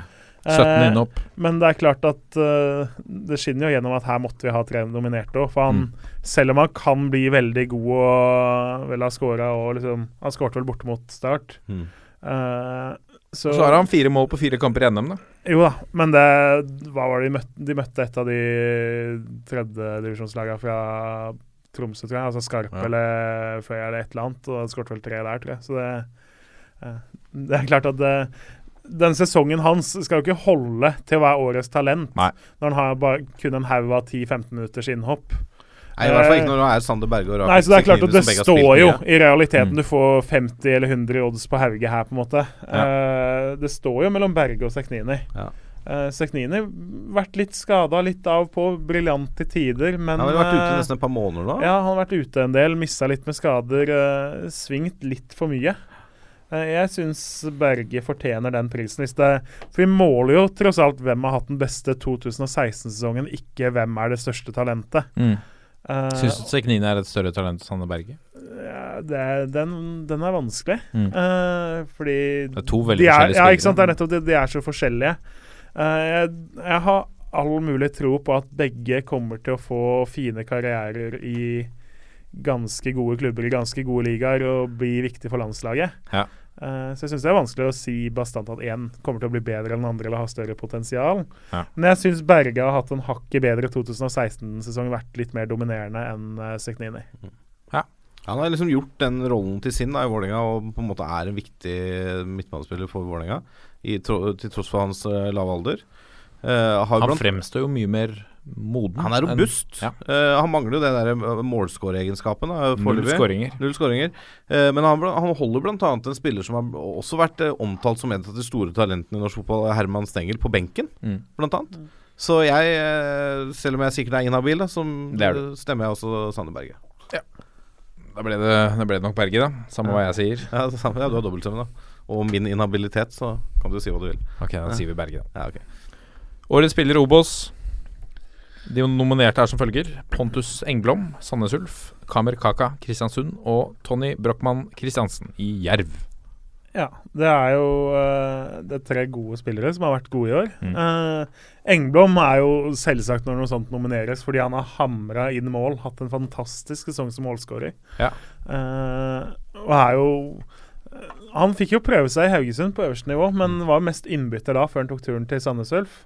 Eh, nå har han et par veldig gode sesonger i, uh, på nivå to bak seg, så, og kontrakt som går ut. Uh, så han har gjort det godt for seg selv der. Han kommer til å gå til en større klubb i år. I Mm. hvert fall hvis Ulf ikke rykker opp. Mm. Kamer har jo vært rundt dette er vel femte klubben hans på fem år nå.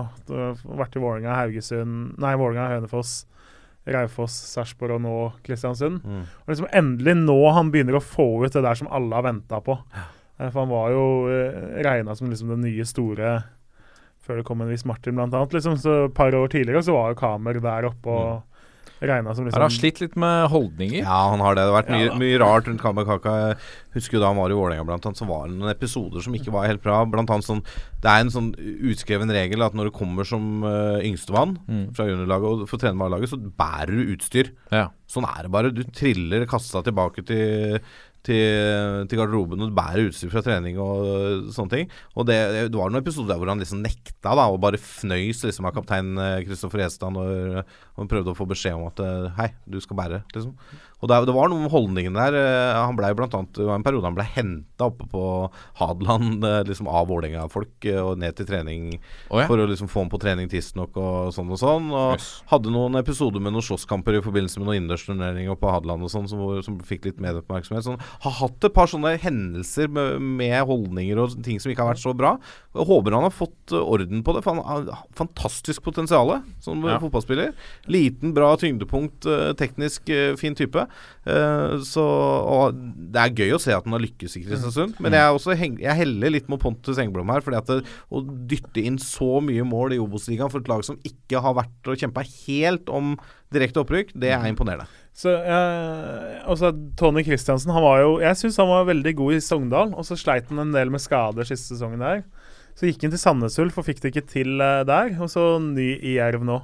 Eh, jeg syns han har vært veldig god de gangene jeg har sett Jerv. Eh, eh, Jerv har et bra lag med mye dominante spillere. Både Glenn Andersen bak har vært kjempegod. De har et spennende venstrebekk i Tønnesen, som Mm.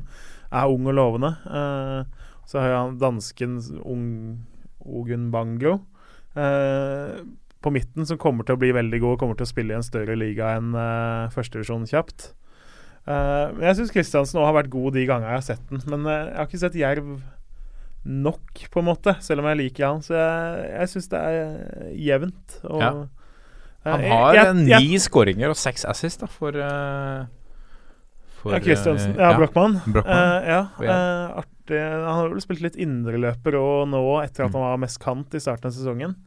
Eh, jeg tror jo Engblom vinner, fordi den skåringsstatistikken er liksom så lysende mot deg, mens eh, ingen av de to andre preger der, liksom. Så jeg har inntrykk av at det ofte er målskåreren som stikker av med prisen i uh, førstedivisjon. Tipper jo Engblom. Uh, men for å være litt annerledes, da, så går jeg for uh, Tony Brochmann, ja, da. Ja. Når går dette av stabelen? Er det, er det en kåring? Er, dette er jo ikke Kåres eh, NISO-kåring. cupfinalen, gjør ikke? I den der ja. NISO Awards, eller hva det heter. Å ja, er det NISO Eh, Nei, det er kanskje ikke NISO Awards. Nei, jeg Nei, husker det- De ikke. kjører sin egen Nei, det er noe eh, avstemning på nettet først, som teller en tredjedel. Så er det en fagjury som teller, teller en tredjedel, og så er det noe annet. Så er det eh, kap kapteinene tror jeg, Ja, til klubba som er den siste tredjedelen. Ja, ja. Vi står uh, overfor, ovenfor Hva er det man sier igjen? Over, overfor. O, o, hæ? Nei, ovenfor. Overfor er vel eh, ja, En av de er jo hvis noe er over Over noe annet, f.eks. i bokhylla. eh, Til helga er det kamp! Til helga er det kamp, og det, Det gjenstår uh, to kamper i Tippeligaen. To runder, i hvert fall. To runder i Tippeligaen gjenstår det nå.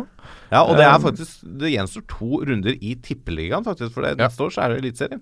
Det er faktisk også sant. Så det blir eh, Det er lenge til eh, Vi kommer aldri til å få se en tippeligakamp igjen, kanskje? Ja, det, får vi se ti år frem i tid, da. Ja. Veit jo aldri hva, hvordan fotballen ruller. Nei, det er sant.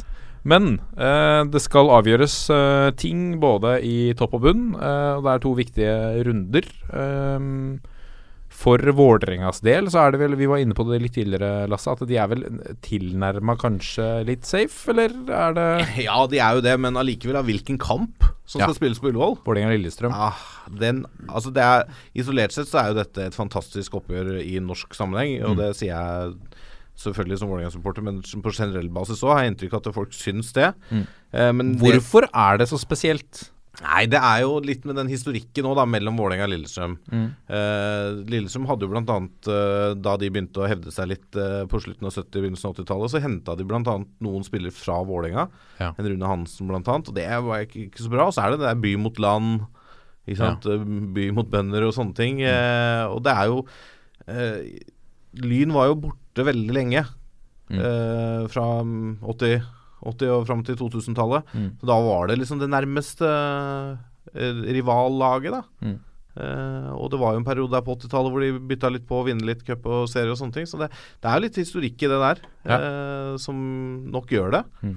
Og så har du jo bare Altså det er jo De elsker jo å hate hverandre, supporterne. Og det, du har spillere i begge leirer som har vært flinke til å fyre opp disse kampene òg, Mm. opp gjennom tida.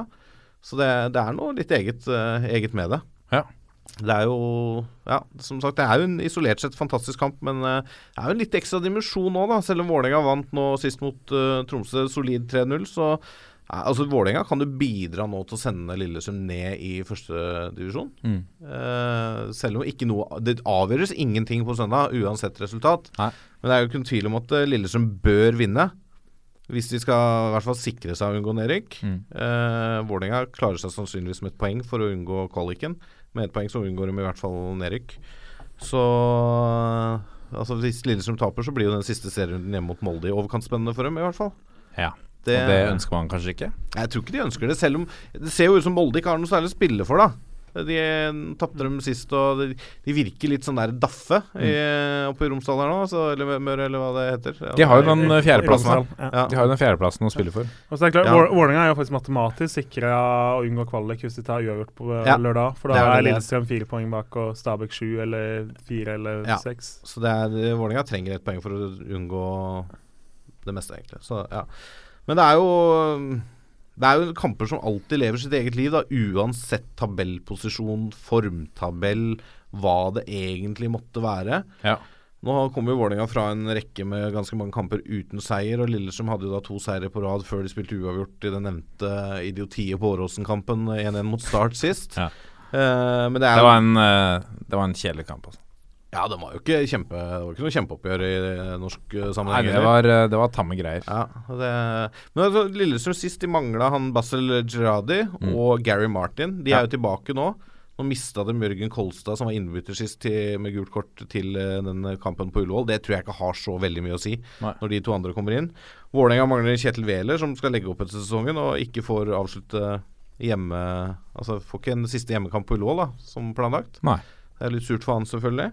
Du så det vel nesten på han da han fikk det gule Ja, i Tromsø. han skjønte, Han skjønte med det. en gang liksom at det, åh, nå kommer det gule, og der røyk den. Det er jo selvfølgelig Jeg skjønner det er bittert altså for Wæler. Han har vært med, vært med lenge og holdt på en stund. Uh, all ære til han for det. Så det er, eh, dette er jo en sånn der, altså som jeg sier, det er en helt åpen kamp. Og Det blir spennende å se om Vålerenga klarer å holde det trøkket oppe, da. Mm. Som de tidvis viste mot uh, Tromsø. Første omgang i Tromsø var ikke noe særlig, men Vålerenga var det førende laget. Og i andre omgang så var det ikke noe tvil, eh, mener jeg. Altså, Vålerenga var mye, mye bedre enn det Tromsø-laget, som virker jo Og det er jo kanskje til Lillestrøms fordel. Det Tromsø-laget virker virkelig ute å kjøre nå, altså. Ja, det gjør det. Det har mista mye rart, eh, for å si det sånn. Så, så er det, hvis du ser på totalstatistikken i disse oppgjørene, så er det jo nesten ikke mulig å skille laga. Vålerenga 26 seire, 25 kamper og til uavgjort og 28 Lillestrøm-seire. Og 94-93 Vålerengas favør i målforskjell. På Ullevål så er Det er jevnt, altså. Ja, på Ullevål 11 Vålerenga-seiere, 10 Lillestrøm-seiere og 17 uavgjort. Ja. Og 48-44 målforskjell. I fjor vant Vålerenga 2-0. Eh, nei, det, altså det, er, det, det står så mye på spill, og det, er, det handler om dagsform. Det handler om øh, hvordan Vålerenga klarer å Altså Vålerenga er jo ikke sånn kjempeglad i å spille mot sånn øh, kompakte lag som satser på kontringer og dødballer, som er dødballsterke, som Lillestrøm er, da. Er, sånn historisk sett de siste åra. Eh, så det kan jo det, det, Men denne kampen kan bikke begge veier. Første målet blir uh, som alltid veldig, veldig viktig. Eh, og så blir det spennende å se om vi klarer å få over 15 000 på Ullevål igjen. Det hadde vært eh, fantastisk. Mm. Det, det blir en, jeg tror det blir en kjempemorsom kamp. Ja. En uh, annen match Men eh, jeg, får jeg bare lov å si en kort ting? Ja. For de, Før Tromsø-kampen så tok jo Deila over hovedtreneransvaret og skulle være han som leda laget fra benken Mm. for Vålerenga. Men allikevel så er det Rekdal som skal uttale seg i media. Det Ja. syns jeg er litt rart. Ja, For altså Deila, han Det er ikke så mye press rundt Vålerenga at han ikke Han bør kunne klare å snakke til pressen, syns jeg, da. Jeg synes at Når det er han som leder laget og har det Mm. ansvaret, så bør han i hvert fall stå frontrå etter kampen. Jeg syns det er rart at det er Reka som sitter og noterer nesten på benken. Jeg skal liksom uh, være den som fronter etterpå. Jeg var litt uh, pussig det, men uh, at det kanskje er sånn at de har blitt enige om at han er en slags managerrolle ut sesongen. da Og Ja. at uh, Og så Reka tar pressen, og så tar han kamp, kampen. Og det så ut som det funka nå. Ja, absolutt Tromsø. ingen grunn til å endre på det. Jeg håper det funker en gang til. Ja, sant. Ja. Eh, Sarpsborg-Tromsø, vi var eh, inne på det. Tromsø er inne i en virkelig børgedal, altså. Det er, eh, nå er det fire strake tap. Eh, Bård Flovik meldte vel her for en liten måned siden at nå så det ut som de var sikra plassen. liksom. Nå kunne de begynne å tenke litt mot 2017. Mm. Det, det viser seg vel kanskje at det, det var sånne ting straffer tidlig. seg. Dumt å melde. Ja. veldig, veldig dumt. Og veldig merkelig. Hva skjedde med å ta en kamp av gangen og sånne ting som Ja. har blitt lært opp fra barns ben av? Uh, Sarpsborg uh, på sin side har, uh, er betraktelig i bedre form. Med en seier nå sist mot Stabæk, og før det to uavgjorte. Mhm. Så eh, Var jo nær ved å slå Rosenborg eh, før de slo Ja. Stabæk. Var gode der òg. Og de har has på en, en fjerdeplass. Det er bare målforskjellen som skiller de med, med Haugesund. Og Ja. den fjerdeplassen som vi har snakket om, kan bety Europaliga. Ja, og så er det klart at det skal holde De er fire poeng bak Brann og Odd, så de medalje skal jo ikke gå. Nei. Men uh, Men det kan. sånn tenker jo ikke en spiller på Sarpsborg. At Nei. nei. vi er fire poeng bak, så dette blir skikkelig vanskelig å ta bronsen, så da gidder vi ikke 100. Det er jo Nei. ingen som tenker sånn på det laget. De går jo på banen og tenker at vi har faktisk mulighet til å spille for en medalje i år. Ja. Det blir, jeg tror det blir tøft for uh, Tromsø i, i Sarpsborg. Ja, det tror jeg òg. Jeg tror Sarpsborg tar ganske greit. Ja. Eh, hva skjer i Molde med kampen Molde-Stabæk, eh, Jørgen? Den er viktig for bunnen, den også. Nesten så det ser ut som to lag som ikke syns det er spesielt gøy å vinne fotballkamper for tida. så det er 0-0 og ferdig Nei, det, altså Molde spiller jo også for denne fjerdeplassen nå, da. Mm. Uh, men som vi har snakka om før, det ser liksom litt sånn dødt og giddalaust ut. Og de har jo en god stall. Nå er Forhen tilbake, Toivio er tilbake. Eh, men de finner liksom ikke ut av det. Bytter mye på laget, bytter formasjoner. Folk går fra å være back til kant, og liksom fra midten og opp på kant. Altså, de eh, driver med Prøver veldig å finne oppskriften uten å klare å finne det, da. Det, Men- ja, det virker litt som Solskjær prøver å ha den derre rulleringsprinsippet som man kanskje er litt mer vant til fra England. da Ja. Selv om det er så lite kamper at det er ikke nødvendig. For, uh, Ja, for der borte snakker vi om, da snakker vi om 60 matcher. ja, Og så snakker vi om gjerne da match søndag, tirsdag, lørdag. Ja. Her snakker du om I verste fall så snakker du om kamp Søndag, søndag, fredag. Søndag, Ja.